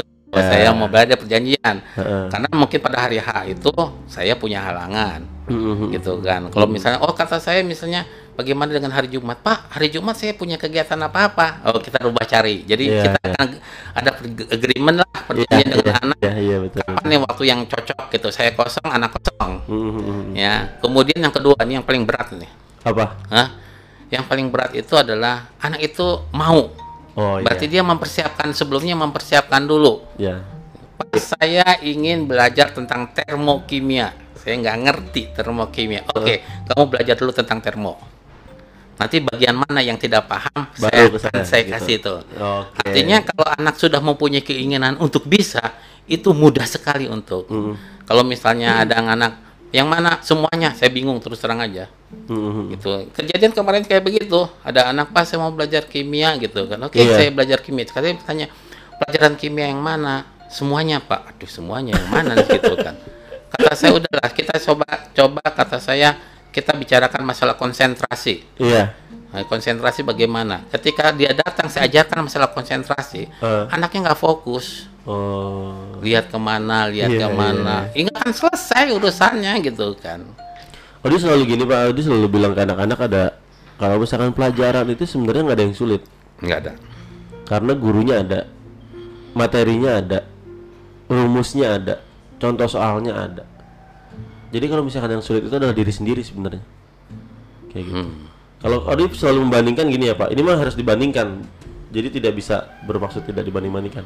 Kalau misalkan pelajaran kimia satu soal dikerjakan 40 atau 100 anak, maka hanya akan ada satu jawaban yang benar. Mm-mm. Karena soalnya pasti, iya gitu ilmu pasti pak. Nah, kalau misalkan pelajaran seni ada 100 anak disuruh gambar bebek, maka akan ada 100 bebek yang berbeda. iya Nah, maksud Odi adalah itu adalah sebuah perbandingan yang memang sebenarnya dua-duanya mempunyai eh, tantangan masing-masing, gitu. iya Jadi itu sebenarnya itu ya nggak nggak sulit pelajaran matematika, fisika, kimia gitu. Karena yang tadi bapak Odi setuju sama bapak adalah kemauan. Di mana keinginan udah muncul, udah semakin kuat, rasa penasaran makin mengganggu setiap hari. Jalan mah pasti ada ya pak. pasti Pasti ada. Nah itu buat teman-teman informasi bahwa kalian tuh sebenarnya bisa eh, datang ke ruangan Pak Dedi karena memang Pak Dedi itu ruangannya sudah sudah mumpuni lah untuk belajar di situ ya Pak. Sedikit orang, beberapa orang karena memang udah nyaman banget. Kalian bisa datang ke Pak Dedi, janjian kalau kalian pengen belajar kimia lebih jauh lagi, lebih memahami. Tapi ingat tadi perjanjiannya sama Pak Dedi jangan dilupain. Nah, terus eh, berbicara soal SMA Rimba Madya, Pak, keseluruhan. Apa yang belum tercapai dari goals Bapak sebagai guru sejauh ini mengajar dan menjelang masa pensiun 5-6 tahun ke depan? Ya, yang masih belum ya itulah artinya coba kita tingkatkan de- lagi akademiknya hal semacam itu hmm. supaya nanti lulusan-lulusannya lebih banyak lagi Iya. masuk ke PTN, hal PTN. semacam itu Terus gitu kemarin kan. selamat ya, Pak. Kemarin juga udah cukup banyak tau, Pak. cukup banyak Seneng banget dengarnya. Iya gitu Iya. kan. SMA Rimba Tapi keren. bagi saya masih belum hal semacam Harus itu. lebih ya, Pak? Harus lebih. Jadi Setiap setiap, tahunnya. tahunnya ada tingkatan ya. Betul, betul. Nggak usah banyak-banyak lah 10% 10% gitu kan. Sampai suatu titik saja bahwa nanti SMA Rimba Madya semuanya bisa masuk hal semacam itu gitu kan. Iya. Gitu. Ya Pak, nggak kerasa banget nih Pak. Iya. Udah satu jam 15 menit. Terus saya masih punya unek-unek boleh nggak? Boleh dong Gitu. Pak. Saya masih punya udah unek-unek bilang gitu pas Bapak kan. tanya durasinya berapa lama di Iya. sesantainya Pak, senyamannya. Ah. Jadi yang yang yang pertama itu ya sebetulnya ini yang yang eh, apa ya? Yang budaya yang saya pengen sekali menghapus budaya itu ya. Iya, apa tuh Pak? Ini antara perbedaan antara IPA dengan IPS. Oke. Itu Iya. itu nih yang ini Ini cukup sensitif juga nih Pak soalnya Pak. Ah, ah, gitu kan. Mohon maaf aja kalau saya salah ya. Mohon maaf kalau saya salah gitu kan. Mhm. Jadi ada suatu kesan bahwa anak IPS itu adalah anak kelas 2 Hmm. dibandingkan dengan IPA. Anak IPA. Heeh, IPA mah orangnya pinter-pinter, IPS mah tidak pinter, hal semacam itu. Bisa Iya. gitu ya. Heeh, gitu kan. Kemudian anak IPS karena tidak pinter, kemudian santai. Santai. Heeh, gitu kan. Iya. Padahal menurut saya IPS jauh lebih berat dibandingkan dengan IPA. Karena Tadi kalau IPA kan ilmunya pasti. pasti. Kalau dari 100 jawabannya hanya satu. Tuh. Kalau IPS kan serba 100 semuanya. Iya. Jadi banyak variasi-variasi yang ada gitu kan. Iya. Tadi kembali lagi dengan Pak Udi lagi bahwa anak IPS itu harus banyak baca. Benar. Hari ini begini, besok sudah beda lagi. Bener. Bener. Gitu. ini makanya saya kira harusnya lebih struggle lagi, Lebih giat struggle lagi ya bener-bener Pak. gitu kan. Ada ada ini pendapat saya juga, ada suatu kesalahan anak IPS itu Hmm. selalu bertanding di realnya IPA. iya betul. IPA itu kan ya namanya hitungan cepat dibandingkan dengan IPS. IPS. Jangan jangan di relnya IPA dong. Cari rel Rel IPS. lain IPS, IPS itu daya bacanya, daya ingat. hafalnya Iya. luar biasa lebih hebat dibandingkan IPA. Hmm. Marilah kita itu di rel masing-masing bertarung. Setuju. Kita lihatlah lima tahun kemudian, lima Iya. tahun kemudian, sepuluh Iya. tahun kemudian siapa yang paling sukses, yang siapa yang Betul. paling berhasil. Sebenarnya tuh IPS itu ini ya Pak. IPS itu adalah eh, anak-anak yang paling gampang improvisasi. Karena memang nggak pasti. Hmm. Gitu loh Pak. Anak IPA itu adalah mungkin eh, karakternya lebih lebih tekun, terus kemudian karakternya juga lebih pasti, terus kemudian relnya lebih lebih ke arah. Sementara anak IPS itu ya relnya improvisasi. Yang tadi Bapak bilang mereka bagaimana mereka mengingat, menghafal, terus kemudian mencoba beradaptasi dengan keadaan, dengan sosial dan lain-lain. Tapi Odi juga setuju tuh Pak sama Bapak yang berbicara soal bahwa sebenarnya kita nggak ada ya Pak yang yang membedakan antara IPS dan IPA. Kita tidak pernah menyekatkan gitu. Ya, Enggak, enggak pernah. nggak pernah kita. Tapi memang mereka yang punya paradigma seperti itu Gitu. sendiri. Nah, itulah yang harus kita hapus tuh kayak begitu. Kalau misalnya ini botol, Heeh. ini botol. IPA tuh pasti Heeh. ada di tengah-tengah. Iya, Kalau IPS tidak pasti. iya, Ada yang di bawah, ada yang di atas. iya. Gitu kan. Mhm. Jadi yang yang mana yang yang di bawah di mana yang di atas gitu kan. Yang di bawah itu adalah ya IPS-nya IPS IPS-an yang nggak mau Iya. belajar, nggak Iya. mau. Kalau dia benar-benar IPS akan posisinya di atas. Betul, betul, betul. Karena kalau kita lihat aja manajer, direktur banyaknya lah IPS yang ada Iya. semacam itu. Pekerja-pekerja kasar dan sebagainya Iya. itu adalah anak IPA semacam Tapi itu. banyak yang juga ini Pak, ada anak IPS juga beranggapan bahwa ah nanti juga udah kerja anak IPA ngambil nyerobot pekerjaan kita. Nggak mungkin. Hmm. Malah kadang anak IPA yang nyerobot IPS. Iya IPA nyerobot IPS Pak. Enggak. Iya. Artinya juga sekarang kalau IPS-nya benar, Iya ya. Iya. Harusnya dia lebih kompeten di bidang itu ya. Betul. Iya. Nah, ini misalnya saya ambil satu contoh aja ya. Ah. Satu contoh gitu. Ini kakak saya gitu, kakak saya. Kakak saya itu lulusan ITB, Hmm. jurusan geologi. Waduh. Nah, gitu kan. Berat, ini ya. bisa dibayangkan gitu kan. Ya masuk ITB itu kan luar biasa. Kalau nggak pintar-pintar amat nggak bisa masuk juga. Jurusan geologi lagi hal semacam itu. Iya. Setelah lulus gitu kan, setelah lulus dia melamar di apa? Di perminyakan Iya. gitu kan di perminyakan di Riau apa namanya saya lupa lagi tuh Riau nah perminyakan itu itu di dalam apa di dalam bagiannya ya eh, itu udah mentok nggak bisa naik naik lagi pangkatnya udah paling atas Hmm. gitu kan lalu dia udah tapi dia masih punya waktu untuk ke arah sampai pensiun itu dia masih punya waktu lalu ditanyakan bagaimana saya lebih ke jenjang yang lebih tinggi lagi jawabannya anda kuliah lagi itu masalah ekonomi Oh. bagaimana masalah penjualan dan sebagainya Iya. karena di orang-orang IPA itu kan dia mencari Hmm.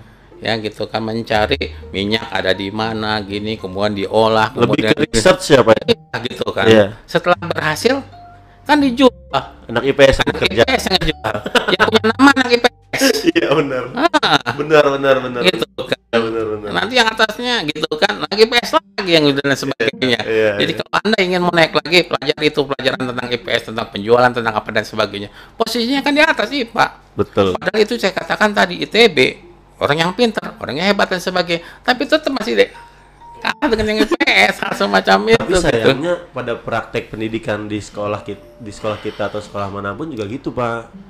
Itu justru merata tuh di situ iya, gitu itu kan. yang aneh gitu ya. Ah. Padahal harusnya gini, apa apa kita perlu em, memberitahu, menginformasikan potensi mereka dalam 10 tahun ke depan gitu. Tapi kan sekarang gini, orang sekolah sebatas formal pak, sebatas kewajiban jadinya, sebatas tuntutan juga ada. Tanpa mereka juga sebenarnya masuk sekolah nggak, gue nggak tahu gue harus jadi apa nanti ke depannya. Ya udah memang mungkin gue di IPS, ya udah gue di IPS aja.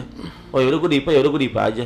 Nah itulah ketika orang masuk ke dalam eh, suatu ranah, suatu tempat atau suatu lingkungan, mereka nggak tahu tujuannya apa itu dia bakal kehilangan arah Hmm, gitu itu, loh pak. iya. Akhirnya jadi ini loh pak, jadi jadi ngiklasin diri. Ah ya udahlah, jalanin aja. hmm, itu. Jadi nggak asik gitu loh pak. Kalau misalkan Audi dalam lomba dapat lomba, ini lomba ini, yuk tujuan kita apa bareng-bareng kita samain dulu. Kemudian ketika kita dapat, oh ternyata tujuan kita ter- tercapai. Kita nggak mau kita berjuang latihan lomba dan lain-lain tanpa tujuan yang jelas itu pak. Kebanyakan yang terjadi dalam dunia pendidikan kita di SMA yang kita tahu seperti itu gitu loh pak. Apakah kita harus memotivasi setiap hari, sementara berhasil atau tidaknya mereka manfaatnya akan kembali ke mereka sendiri. Iya. Ya artinya juga kan dari semua lini harus semacam itu. Iya. Jadi kan ini ada satu permasalahan sedikit permasalahan gitu kan. Arti permasalahan di sini adalah yang yang menunjang anak itu menjadi sukses. Saya selalu menggambarkan bagaikan kursi. Hmm. Kursi yang kakinya empat, Iya. yang gitu kan.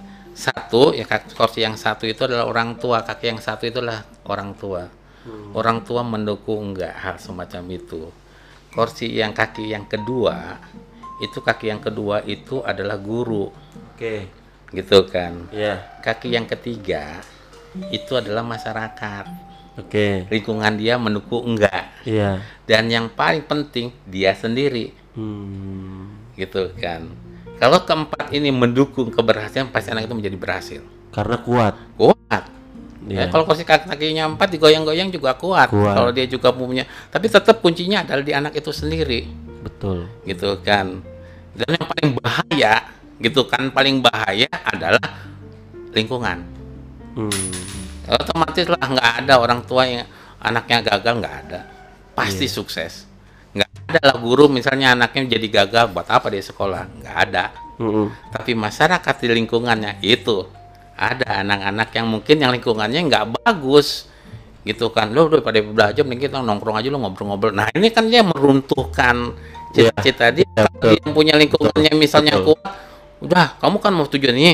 Ayo belajar yuk gini gini gini. Nah itu Mungkin tuh- mendukung Mungkin dari itu ya Pak, makanya sekarang tuh di Indonesia itu pendidikannya adalah pendidikan karakter. nah itu. Karena mungkin si anak itu harus benar-benar mengetahui dan membentuk karakternya sejak dini gitu loh Pak. nah itu tadi kembali lagi. Heeh. sekolah pertama di rumah. Rumah, karakter tuh bentuknya di situ Iya, adanya gitu kan. Karakternya di situ, terus kemudian kita memolesnya dengan ilmu pengetahuan gitu. Emang agak dikit terlambat kalau misalnya diolesnya waktu kita di SMA, sedangkan karakter sudah terbentuk dari awal kecil. dari kecil kayak Iya. begini susah sekali gitu Iya, kan. betul. Kita hanya sedikit gitu kan. Jadi kalau hanya mengandalkan kepada sekolah, aduh nggak jamin deh. Dan apalagi macam itu. kita itu SMA itu pintu terakhir sekolah ya Pak. Nggak juga sih. Karena kan nggak semua orang bisa kuliah. Mm-mm. Tapi kan Yang wajibnya kan wajib tujuan tujuan SMA itu kan dia melanjutkan ke perguruan tinggi. Tujuan utamanya Ah, seperti ah. itu gitu. tapi kan. ya tapi kan pemerintah mewajibkan sekolah wajib sekolah sampai tingkat SMA ya Pak. Itu SMA. Iya. Gitu. Ya itu sih Pak yang tadi Odi bilang kalau misalkan dia datang ke suatu tempat tanpa tujuan yang jelas akhirnya jadi mengikhlaskan diri, Iya. membiarkan dirinya terbuai. Sebetulnya kalau orang nggak nggak punya tujuan apa pun posisinya, itu pasti akan bingung, pusing sendiri. Harus punya tujuan gitu Iya, kan. iya, iya. Saya itu mau apa gitu kan, gitu kan. Ada lucu ada anak-anak dari SMA Rima Madia itu waktu dulu ada SSN gitu kan 2012 hal semacam itu.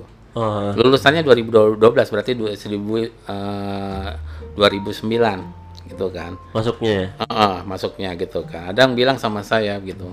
Pak Dedi katanya, kebetulan ke- saya ya saya pertaruhkan saya juga ya. Hmm. Karena saya pegang itu wali kelasnya dari kelas 10, 11, 12 saya yang wali kelasnya Anak saya. itu. Satu kelas itu satu rantaian itu Oh. saya pegang semua hal semacam Iya, itu gitu iya, kan. iya.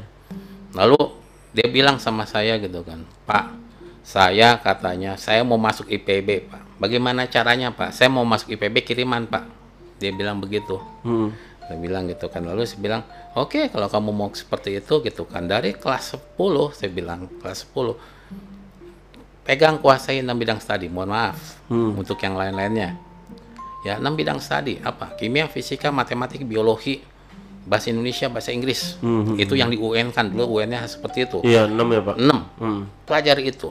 Karena itu yang akan dinilai ketika nanti dikirim ke IPB, itu yang dinilai dimasukkan seperti itu. Hmm. Dan anak itu benar Konsen di situ. di konsen nilai itu selalu dalam keadaannya bagus terus Masuk dia, Pak. walaupun walaupun ya ada negatifnya Hmm. Ya, negatifnya yang tidak saya sebutkan tadi Iya, ya, dia iya. agak me- Memang selalu pengorbanan, Pak. iya gitu kan misalnya olahraga termasuk kesenian gitu Iya, dia iya.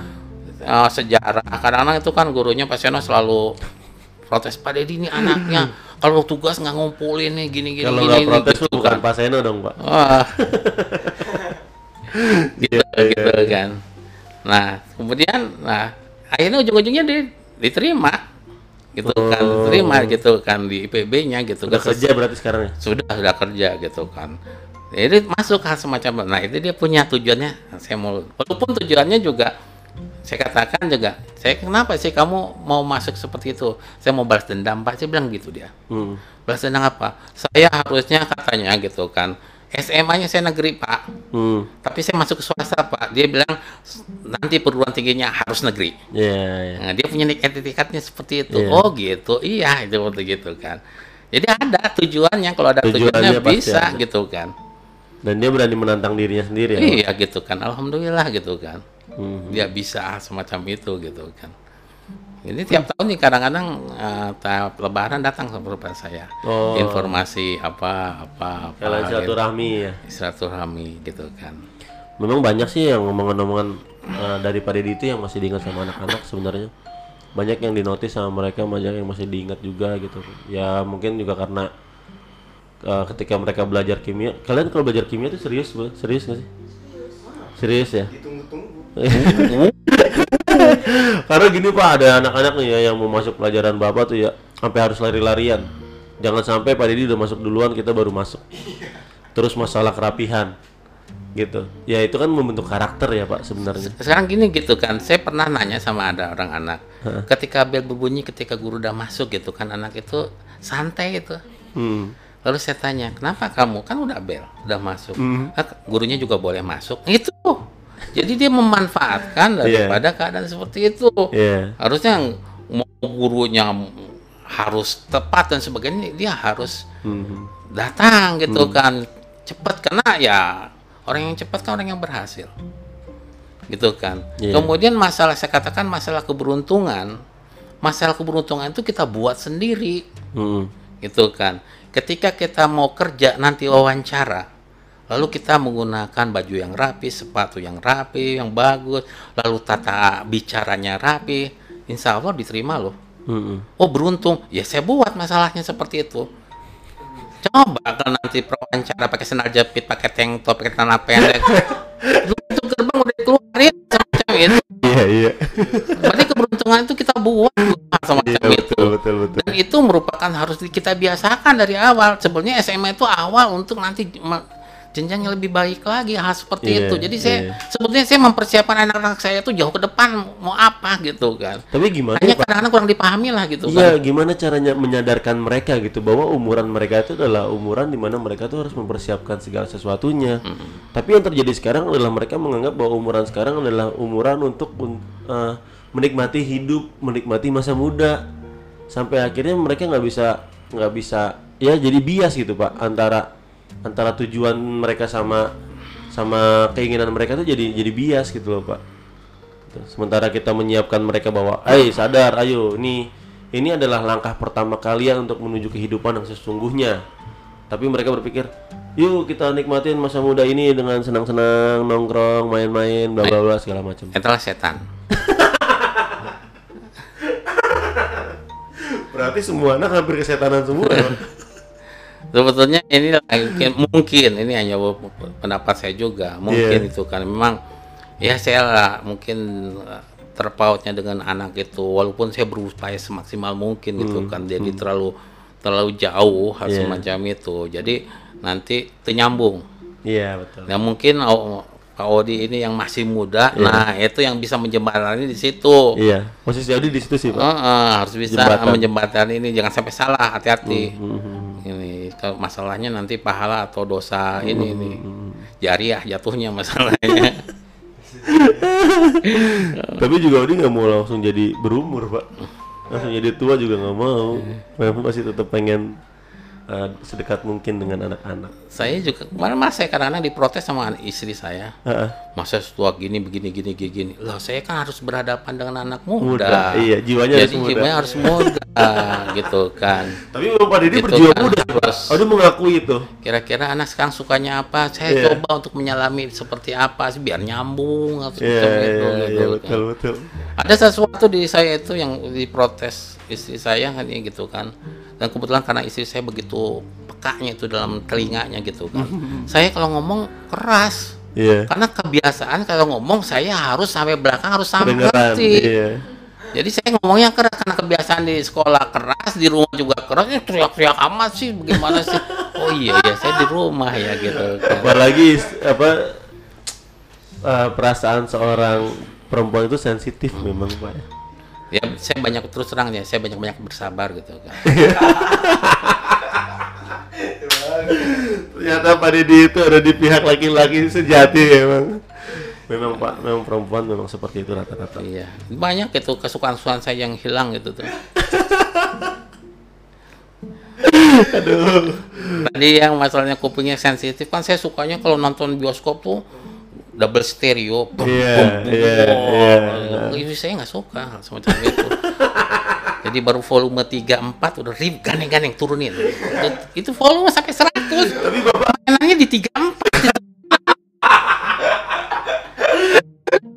volumenya sampai 100 tapi, Iya, sampai 100 mainnya di 3 4. tapi Bapak ngalah. Apanya? Saya ngalah. Kalah lagi dong berarti kita juga kalah juga. Ya, intinya masalahnya saya nggak mau ribut masalahnya Iya apa benar benar gitu benar, kan. benar, Pak. Karena sayang ya, Pak. Iyalah gitu. Aduh asik banget sih ngobrol Pak Didi nih. Eh, ada lagi nggak yang mau Bapak sampein? Eh, Kayaknya cukup deh. Cukup Hanya ya? itu, pesan-pesan aja lah. Tuh, itu itu gitu, memang isi berisi sih, berisi dari tadi. Kalau ngobrol sama kalau ngobrol Didi itu nggak pernah nggak berisi. Pokoknya sebenarnya intinya saya teh pengen anak-anak saya tuh berhasil lah gitu lah Amin, gitu kan. amin. jadi ada rasa kebanggaan diri hal semacam itu Amin, gitu kan amin, iya. walaupun saya sendiri juga tahu gitu banyak anak-anak yang nggak suka sama saya gitu kan ya gitu kan Iya. Gitu. tapi saya tetap saya pegang visi misi saya bahwa saya ingin yang berhasil kalau berhasil itu itu harus disiplin harus kerja keras gitu harus ulet dan itu masa bodoh deh saya bilang kalau anak nggak mau kalau berarti kalau nggak mau berarti nggak mau sukses hal semacam Iya, itu. Betul, seperti itu. Saya pengen sukses seperti itu. Kalau saya misalnya saja menegur anak kadang-kadang memarahi anak dan sebagainya terus terang aja gitu kan. Iya. saya teh sayang hal seperti itu dan anak-anak. Bukan saya benci gitu kan. Kalau saya kalau kalau saya benci dan anak terus terang aja saya katakan saya diamin Hmm. Nggak mau ditanya mau ditanya terserah anda. Karena sudah tegur beberapa kali ternyata tidak ada perubahan dan sebagainya. Maunya itu ya udah. Iya. tapi kalau masih saya marahi saya luruskan saya, saya sayang seperti itu gitu kan. Mhm. jadi jangan salah misunderstanding. Wah ba- bapak benci. Enggak sama sekali. Buat apa saya benci? Iya ya pak. hubungan darah nggak ada apa-apa Iya, dengan betul. saya lo harus lo nyungsep nyungsep gitu. Enggak nggak ada apa-apa. Saya nggak ada benci. Buka masuk kalau lagi marah di kelas keluar pintu udah nggak ada apa-apa lagi. Mhm. lalu mungkin saja katakan aduh kalau dengan Pak Deddy maafnya susah. Iya. gitu kan. Maaf bro susah gitu. Bukan gitu biar menyadari. Ternyata kalau kita melakukan satu kesalahan itu tidak tidak mudah untuk dimaafkan. Mhm. supaya untuk besok lusa tidak diulangi lagi. Kalau misalnya Pak ini maaf ya. Iya. Besok pasti lu lakukan lagi karena mudah sekali. Nanti kan kita minta maaf lagi Iya, beres lagi betul. gitu kan. Iya. gitu kan. Jadi ada prosesnya jadi untuk ada efek jerahnya seperti apa hal semacam Nah, itu itu Gitu didengar tuh sama seluruh anak rimba SMA rimba baik yang sudah alumni maupun yang masih sekolah. Jadi Hmm. sekarang kan kita tahu maksud dan tujuan dari Pak Dedi itu seperti apa gitu. Dan Hmm. ternyata kalau kita ngobrol sama Pak Dedi juga asik-asik aja. nggak ada nggak ada pressure sama sekali. Memang teman bertukar pikiran. Kalau di pribadi itu Pak Dedi teman bertukar pikiran gitu. saya juga menginginkan hal ini asik-asik aja nanti ngajar main asik-asik aja. Iya. Jadi lagi pula saya terus terang setiap harinya saya akan belajar belajar bagaimana yang paling asik gitu. Iya iya iya. Gitu. Makanya sebetulnya harus ada masukan. Mm-mm. Pak gini, Pak gini, Pak Nah, gini, Pak nah, gitu kan iya, kalau eh, anak-anak tuh pengennya kayak begini, Pak gini, Kak. Hanya saya pakai syarat gitu kan. Oke, saya lakukan itu, tapi Iya bener harus ada bargaining ya. oh, ada bargaining, tapi gitu kan. Pelajarannya masuk ya ke Anda ya. Iya betul. gitu kan. Betul betul. Pak tuh cerita apa tuh tertawa-tawa tapi ilmunya nggak masuk saya nggak mau kayak Percuma. begitu gitu Iya. kan. Tapi kita happy ini juga tapi ilmunya juga minta ilmunya juga masuk ya. Gitu Iya. aja nggak nggak nggak nggak ah, Terus sebenarnya simple ya Pak sebenarnya Pak. eh simpel Simple. semacam itu gitu Simple. kan. Gitu kan. Karena nah, kalau misalnya saja kalau ditanya ya mungkin aja, "Pak, kalau kalau ke sekolah ngapain? Padahal maunya apa sih gitu kan gitu kan. Kalau saya main Hmm. karena main tuh paling seneng nggak ada anak orang yang nggak suka dengan main jadi kalau bisa kalau sekolah tuh main Hmm. Gitu kan jadi wah saya ke sekolah harus belajar ini nih beban itu belum apa-apa udah beban gitu Kayaknya nggak banyak yang kayak gitu Pak. Iya nggak banyak kayaknya yang, ah yuk siap gue pengen belajar banget nih udah megang tas pagi-pagi kayaknya nggak susah nyari anak kayak gitu. Ya sebe- sebenarnya niatnya main kali. Awalnya main. emang di- diniatkan ini tapi main sambil belajar sampai Belajar. masuk hal semacam itu Hmm, gitu kan betul. gitu kan kalau nggak ini tanyakanlah gitu kan jangan takut deh ini kadang-kadang juga kan kalau kalau misalnya gini ya kalau mengajar kalau guru mengatakan siapa yang tidak paham tidak mengerti diem bingung gurunya ini ngerti atau enggak sih iya kan Iya. kalau misalnya Iya saya betul betul. ngerti ya ada paham diem akhirnya gurunya terus terang aja otoriter Mm-mm. oh pasti nggak ngerti Iya. gitu kan padahal ada yang nggak ngerti Iya. coba kalau ada yang pak saya nggak ngerti pak masalahnya di sini sini gitu kan Itu momen ini Pak kalau kata anak-anak itu momen awkward. Ya siapa udah ngerti semua diam semua. Udah gimana ya? Gue mau nanya tapi gue takut ya. Iya ternyata keberanian untuk bertanya aja belum punya Iya. anak-anak itu. Gimana keberanian untuk menjawab nah gitu. ya makanya kadang-kadang juga gini kalau misalnya saja ya ya namanya guru juga manusia biasa Hmm. jadi sekarang guru dan anak pintaran siapa sih Iya. gitu kan gitu kan oh gurunya enggak juga sih bilang begitu Iya, betul. siapa yang lebih banyak baca dulu Mm-mm. Hanya kan sekarang relatif, yang paling banyak bacanya kan gurunya, makanya gurunya lebih pintar daripada anak-anak. Iya. Andai kata anak-anak itu bacanya lebih dulu, maka anaknya akan lebih pintar lagi daripada gitu. betul. Apalagi zaman sekarang, ah saya sebelum diajarin Dedi, saya mau baca dulu, buka internet dan sebagainya. Mungkin Pak Dedinya kalah sama anak tersebut. Iya. Wih, anak udah maju ke sana seperti itu. Iya. Saya suka dengan anak kayak begitu. Iya. Berarti, oh saya nggak tahu yang ini nggak tahu ya. Berarti saya dapat ilmu dari anak. Bener. Jadi berarti saya lebih maju lagi. Iya. Coba kalau anaknya ngerti nggak, diem semua gitu. Saya nggak nambah-nambah ilmunya. Kalau diem. Anak ngerti, gurunya nggak nambah kan rugi jatuhnya. Betul. Makanya kalau ada anak yang ngomong pak gini gini gini, seneng. Oh berarti nambah nih gitu. Iya. kan. ya, ya paling buat teman-teman semua itu uh, isi obrolan kita yang ini kayaknya episode terlama ya. Terlama satu menit, eh satu jam 40 menit. Tapi Mana? ini bakalan asik banget buat didengerin karena memang buat yang alumni yang sering pada bilang kangen sama Pak Dedi, nah ini silakan lah salam. mendengar, mendengar. Salam salam salam. Salam ya, dari. Pak Dedi. Iya, mantap. Ini para alumni nih, gitu kan. Yang jelas Padi sayang kepada alumni alumni SMA Rimau Muhammadiyah, gitu kan. Tetaplah silaturahmi gitu. Iya. Gitu. Oke, nah itu pesan dari Pak Dedi. Ya, kita terbuka. Pak Dedi juga pasti terbuka kalau misalkan alumni-alumni pada pengen datang untuk Iya. sekedar nanyain kabar, nanyain ya bagaimana kesehatan dan lain-lain. Kita senang kalau misalkan dulu ada hal-hal yang memang eh, merasa tidak berkenan, tujuannya adalah satu, tujuannya adalah kita ingin eh, anak-anak menjadi lebih baik lagi ke depannya. Sekali lagi terima kasih buat Pak Dedi. Sama-sama. Makasih banyak Pak, asli seru banget. Nanti kita ngobrol-ngobrol lagi ada waktu ya Pak. Iya. Mudah-mudahan nanti di season kedua nih Pak di Januari sampai Juni itu season kedua podcast kita. Oke. Dan per hari ini pendengar kita sudah di atas 2000 Pak. Alhamdulillah. Alhamdulillah senang banget anak-anak pada dengar. Ini nggak tahu nih kayaknya uh, Pak Deddy bakal ngasih uh, efek yang lumayan banyak sih di podcast ini biar pada denger dengerin. Nah sekali lagi terima kasih buat kalian semua tetap jaga kesehatan jangan keluar kalau nggak penting terus kemudian tetap semangat belajar biarpun kita belum bertatap muka tapi semangat belajar tetap harus uh, dipupuk uh, sebanyak-banyaknya. Terus jangan lupa uh, buat kalian yang belum menuntaskan kewajiban tugas-tugasnya selesai diselesaikan dan kita akan bertemu lagi di semester berikutnya. Sekali lagi terima kasih. Assalamualaikum warahmatullahi wabarakatuh. Waalaikumsalam warahmatullahi